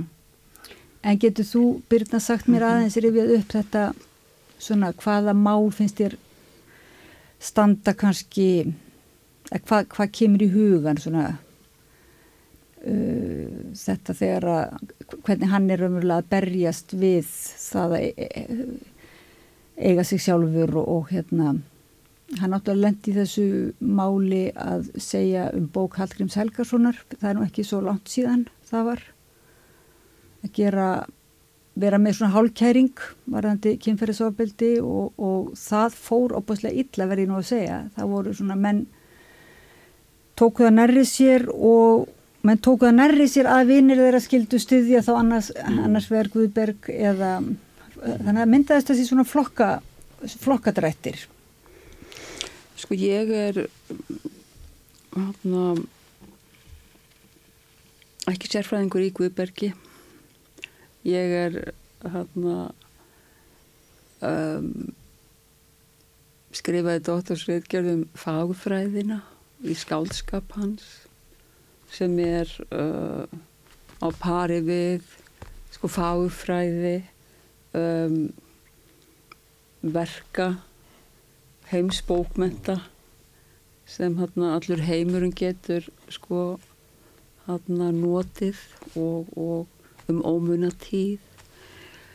Ég segi þetta ekki til þess að svara ekki spurningunni þinni. Uh, einmitt vegna kannski þess að ég gaf mig og held áfram að gefa mig eftir fagufræðiverka hans að þá, þá þykist ég líka stundum þegar stormurinn geysar sjá að, að, að sumt af því sem hefur sko verið sagt og eða, og eða gert. Ég menna vinur okkar Eiríku Guðmundsson heitin um, þetta kostaði hann um, rækilega og við vitum það. Um, en, en ég var þeirra skoðunar þá og er ennþá uh, í tengslum við þessa tilteknu bók sko sjóveikur í munn hér ef þú vilt halda fram að tala Nei, ég, um ég það. vil ekki endilega Nei, tala um en, þá kannski- bara, já. en þá bara sé, sá ég líka sko það voru einhver, það voru einhver gjá fagufræðilega séð sem, sem enginn gat sko brúað sko Já, en líka málið er að já. Guðmundsson er, er bara eins og ég ég meina hann, hann ferðaðist með sko þessum skáldskap Guðbergs á, á einhverju dýpi og gerði hann að, að sko að um, einum af þeim bókmyndafræðingum sem Ísland hefur alið á síðari tímum sem var hæfur til að, til að, til að skilja. Um, sumt af því sem maður verður líka að, að, að, að spá svolítið mikið í til þess að ná einhverjum botni, ef maður nær botni sko það er í sjálfur sér ekki takmark ef, ef maður er að tala um skálskap eða bókmyndir. Það sem ég vildi segja er þetta um, það er ekki bara það að það er einhver óbrjúanleg gjá fáfæla séð, ég menna Guðbergur um, er sá sem hann er aðrir höfundar eru, eru, eru þau sem þau eru. Og, en það er líka þetta gerist á þeim, á þeim tíma í okkar, okkar veraldarsögu. Þegar ákveðin miðill er búin að ná flugi. Og ég hef nú bara uh, nota þetta tækifæri og, og halda því fram að samfélagsmiðlar, þetta er, er, er verkfæri djöfulsins.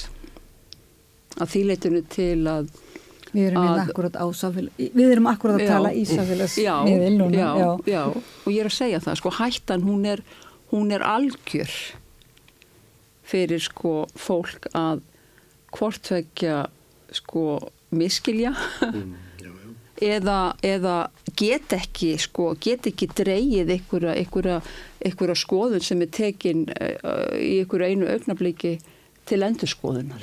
En kom ekki líki ljós bara ákveðin vöndun á einhverju samræðavettvangi og, og, og þá kemur, hefur maður stundu velt fyrir sér, Mm. menn eins og, ef við tölum ekki Mm. með Eirík og Mm. Hallgrímildur bara eins og, og Mm. Kundera og, Mm. og Guðbergur, Mm. að því maður skildi þetta, að þeir vildi Mm. ekki láta einhvern engna sér og vildi ekki, en, en, Mm. en stundum hugsa bara, eru þeir bara einhverju svona svolítið fílupúkar og, og leðendapúkar, þú veist, að vilja ekki einu sinni ræðamálin, vilja þeir bara þú veist, eru þeir bara komnir upp á einhvern stall og vilja bara blammera og svo ef einhver móðgast að þá hérna tala þeir bara um listrætt frelsi og svona þú veist, hvar, og það er ekki þeim að kenna endilega, sko, einhver hlut er það bara líka í okkar samfélagi, þú veist, það er þetta að vera í liði með annarkvort Haldóri eða Þórbergi Já, eða já. Gunnari, þú veist, það er þessi lið, liðskipting Mhm. og og hérna, og samfélagsmiðlarnir fara bara inn í það, þú ert bara með það á móti. Þannig að hvar er hérna það sem þú einmitt tekur, skiptur í skoðun og, og hvar getur þú pælt í hlutunum og, og forsendunum og svo leiðis. Og hugsa Það er náttúrulega- það- hugsa. já, það er náttúrulega það sem þeir náttúrulega eiga saman, þeir hafna Mm. náttúrulega algjörlega því að vera í liði. Þeir hafna því. og, og hérna, þegar, til dæmis það er skiptu, réttund sem skiptur skoðun, það er mjög fín grein, held ég, ég held að það sé ekki þessari bók sem ég, ég, ég nú að þú þú varst að lesa upp úr áðan Mhm. uh, sem heitir Veir í þóku þá er mitt lýsir hann, lýsir hann sko Mm. manninum sem við erum alltaf að við erum alltaf að lappa framtíðin og jáfnvel samtí, samtímin er Mm. auðvitað, við erum að Mm. við vitum ekkit hérna, eitthvað aðeins í kringum okkur en við vitum ekkit hvað er framöndan líkir lífinu við það, við erum að feta okkur áfram í þókunni Mhm. og síðan fyrir aftan er, er þá er þókunni hefur henni létt og við lítum um öxt og Mhm. dæmum alveg miskunnalaust, ekki bara Mhm. samtíða fólk okkar, heldur líka sko þá sem að koma undan okkur Mhm. og, og hérna, já, þessi hefur náttúrulega ekki, átt að gera þetta og, og sko þetta er þessi líka hróki okkar sko, meina, hvað erum við, hvers erum við megnu í hvað stöðu var viðkomandi listamaður Mhm. eða hvað sem er og mér finnst þetta mjög flott pæling um, um, um, um bara þessi, svona, þessar kringumstæður okkar aldra Mhm. hversu merkilega gáfið sem við þykjast vera Mhm. en, en þetta síðan með, með um, sko, skoðanir fólks að- ef við erum að grípa vaðandi Guðberg, já, já, Mhm. sko, ég hef yfirleitt alltaf mjög gaman greinum hans Mhm. maður er ekkert alltaf sammála og maður þarf ekki að vera sammála Nei. og maður heldur ekki taka sko listamönnum eða ríthundu þannig að, Mhm. að því að hann segir það Mhm. þá lítur það að vera satt og ef það er ekki satt þá var það bara skandall Mér sko þetta fólk hefur sem betur fyrir réttis að hafa rámt við sér algjörlega bara farið rámt með staðarendur og ymslega svo leist, fyrir utan að við erum alltaf erum all ólík Mhm.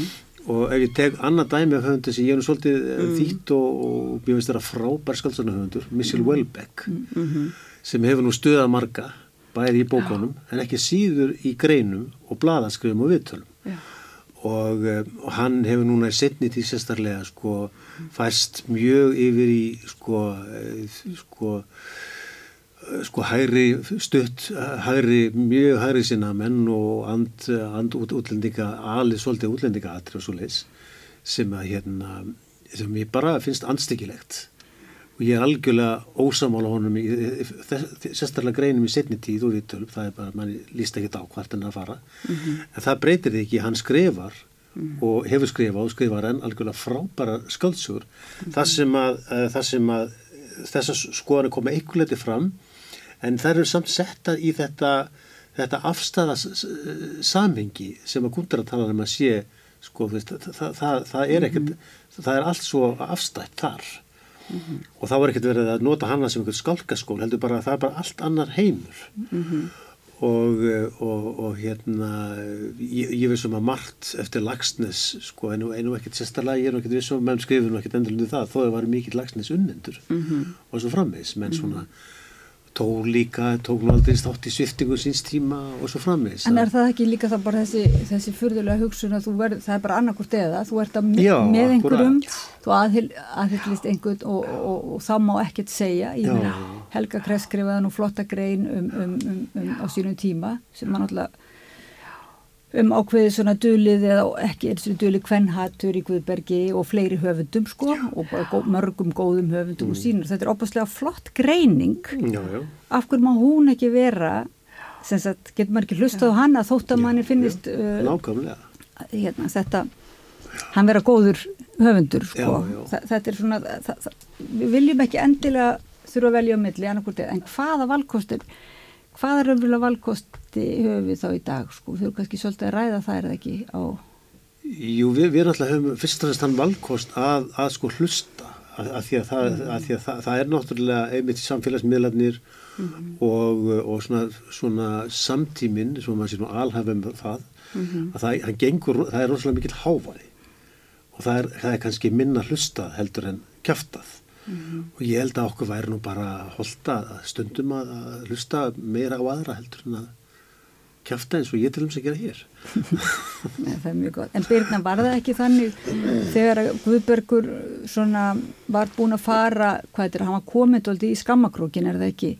svona uh, meir en lítið, þar að segja hann er náttúrulega ennþá mjög virtur höfundur en uh, hvað með limis háskólan og svona, þú veist, finnst þér hann vera, hafa verið settur dóldi út af sakramentinu?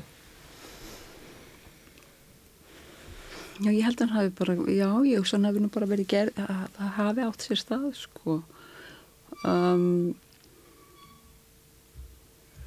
að hluta, alveg Já, nú, öruglega. nú eru til dæmis hvernlýsingar það margar alveg dásamlega eru til dæmis al, aðal karakterin í svaninum Já. og bara öll, öll sko væntum þykjan og hlýjan þar og umhyggjan um, um hana og persónuna þar er alltaf engu líkt Nei, ég, sko, sko, ég hef nú líka reynd, Þannig að sko, mér finnst ósangjart sko að að- Ég er algjörlega sammála þér. rosalega ósangjart ef að hann er, hann er settur út að sakna ég er algjörlega sammála þér. Og Nei, það er líka er- bara, það er líka bara andstætt, sko, það er er líka andstætt, sko, það er andstætt, sko, aftur hans einstaklingsbundnu Já, fagufræð og lögmálum hennar.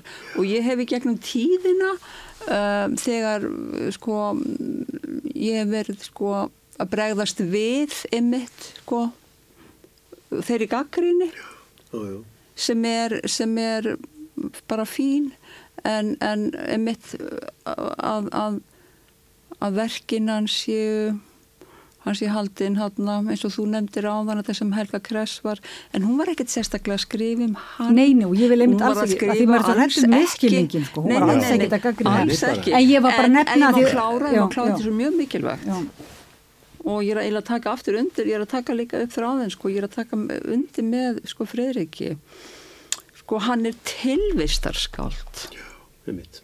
og að þú byrjar að sína einhverjum einum fyrirlitningu í landi tilvistarinnar þá ert þú sjálfkrafa dottin út af sakramentinu séð frá sjónar hóli skáldskaparins og, og, og, það, þeir lesendur sem hafa eitthvað tíman skinjað eða, eða fundist að, að þarna væri einhver tiltekin fyrirlitning í garð tiltekinna hópa. Uh, þá er mitt svar þetta að, að, að eins og þú last svo fallega hérna áðan fyrir okkur þetta brot sko uh, hann er hann er stendur vörð og stendur og fellur með allar götur sín, sinni skinjun sko. Og þessi skinjun hún er í, hún er í, í, í landi tilvistar og veraldar. Og uh, finnist ykkurum ykkur tíman að, að, að, að ykkurir einhverja personur í verkum hans séu svona og svona að þá gæti það gilt um allar af þeim sko. ég meina talið til dæmis aðal personan í, í skáldsögunni hjartabýr enn í helli sínum sálfræðingurinn Karl Kins ég get ekki sagt að þarna ég get ekki sagt að að, að, að hún rýði sérstaklega feitum hesti séð frá sjónarhóli ykkur, ykkur skildið smat sem við stundum fyrir utan land skálskapar og, og, og, og tilvistarpælinga skiljiði. Já, en ég ætla Þannig að líka- þetta, ég vildi bara, ég vildi bara, Já, ég vildi mjög bara gott, segja en ég ætla líka að þetta. segja að því ég var að segja áður að þeir væru svona fílubúkar, því að stundum hafa nú komið þannig og kannski Já. bara, e, en þeir hafa samt þetta eru menn sem hafa verið óbærslega duglegir að koma fram í viðtöðúttur hafi kannski farið í bind, hérna, fjölmjöla bindindi einhvern tíma og svoleiðis, þá voru þeir samt mjög duglegir bæði að þýða eða náttúrulega Guðbergur þýtti alveg gríðarlega mikið skrifaði þú náttúrulega rittstýrir tímarði máls og menningar Já, já. Um árabil og hann, þú veist, hvers, maður las þetta bara eins og, ég veit ekki hérna, bara eins og B-vitamin að, að lesa þessi, þessa greinar hans um skáldskapi líka. Þannig að þetta voru ekki það miklu fílubókar en, en hérna Já, ég, ég myndi, þessi er kannski ekki leiðrætta en, en svona, ég myndi frekar að kalla það sko stríðnisbók. Já, ekki. Já. Þannig að, þannig að þeir, þeir, þeir, og það er alltaf stundum erfitt fyrir mann að- kingja því að, hérna, við erum öll sko að personunar og, og við alltaf speiklum okkur pínleiti í ymsum personum, mismikið þetta eftir karakterum. En, en svona þegar, þegar sko þegar á allt er litið erum við svona og, og við stígum eitt skref aftur á bak og við lítum, lítum einn barm. Allavega ég segi fyrir mig að, að hérna, maður á, á ymsum stundum sem maður tekið hlutina mjög alvarlega að þá er maður pínu liti hjárænulegur þegar maður lítið tilbaka og erum við ekki öll svolítið hjárænuleg svona? Og, og svona pú, svol- svolítið, svolítið kjánar og stundum bara algjörir bjánar. Og þeir benda okkur á það og margir höfundi gera það náttúrulega, draga upp svona svolítið svo skopmynd af, af fólki jafnvel við eh, erfiðar aðstæður. Og, og það eru þetta ekkert sérstaklega þægilegt fyrir mann að, að gangast við því sko eða þá að maður bara tekur ok, þetta er bara flott. Þetta, þetta var hallærislegt. En hvernig finnst ykkur eh, það bara var rétt? hressandi fyrir mér. Já, mér finnst það líka hressandi, en, hvern, en sko þið eru búin að raunverulega, kannski það er alveg rétt hjá ykkur, komið að því, þið eru doldið ofta svara, beðin um að svara fyrir, uh, þú, þú ert tíðandi og, og, og vinur og þú ert, náttúrulega þið eru sko fræðingar sem eru að fjalla um þessi orð, en og hvernig er svo staða að vera, vera beðin um raunverulega að svara fyrir einhver aðra? Er það ekki svolítið skrítið? Og ég var nú að beða ykkur um það, eða ekki beint að svara fyrir þá, en, en svona...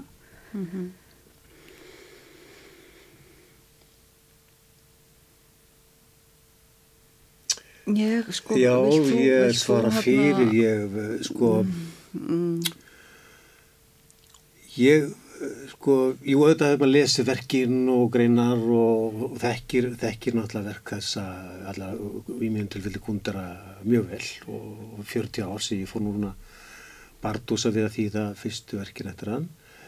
Um, uh, ég held nú samt að, að maður sko samsami sem maður má nú passa sig á að samsama sig ekki viðkomandi. Það, það eh, maður getur ekki svara fyrir skoðanir einhvers eða maður getur kannski reynd að skýra verk eða slíkt en Mhm. einhverja skoðanir sem að viðkomandi setur fram og, og e, það er auðvitað verður maður getur ekki, sko, ef maður er ekki sammála þá bara, ef maður er ekki sammála. Mhm. stundum spyrða því var þú vel bekt til dæmis? En hérna og ég held að kannski var það versta allavega fyrir mig sem, sem uh, þýðanda höfundar sem að er mjög kritiskur og, og hans uh, sko, rauði þráðunni gegnum bakað hans er ákveðin ef að heikja uh, svona gera grín að mannlífinu skopast að öllu sem hægt að skopast að. Ef, að- ef að ég síðan fer að líta á mig sem eitthvað svona sko æjatolla eða, eða, eða eitthvað svona alveg sko alveg ríkala alvarlega bóðbera eitthvað svona samminda þessa, þessa sko, þessara afstöðu, þá er maður kannski komin alveg þvert, þannig að tala þvert á það sem við komum að tala um þannig að, þannig að hérna, mér er gaman að tala um verkin hans en, en, en ef, ef, ef, fólk, ef, ég fer að líti út eins og ykkur predikari þá er nú rétt að fara að pakka saman og gera eitthvað annað. Það- Og þú segir það samanmæntalega, Birni. Já, ég er bara algjörlega, algjörlega, algjörlega sammála þessu. Algjörlega. Ég held að við hérna, þetta er nú, þakka við kærlega fyrir að koma og finnst ykkur ekki við þurfum meila dóldi að ræða þetta áfram svona, á, hérna, um, um hvernig við getum rætt um hugmyndir og rætt um pólitík og, og hluti og tilveruna alla og allt skilsvið og öll sviðin. Jú, Um, nöðsilegt, nöðsilegt og sérstaklega í þessari hólfa skipta, eh, hólfa skiptu, svona, er ekki talað um Bergmáns hellana sem við erum alltaf svolítið að lokast inn í og það er náttúrulega eh, hættuleg þróun.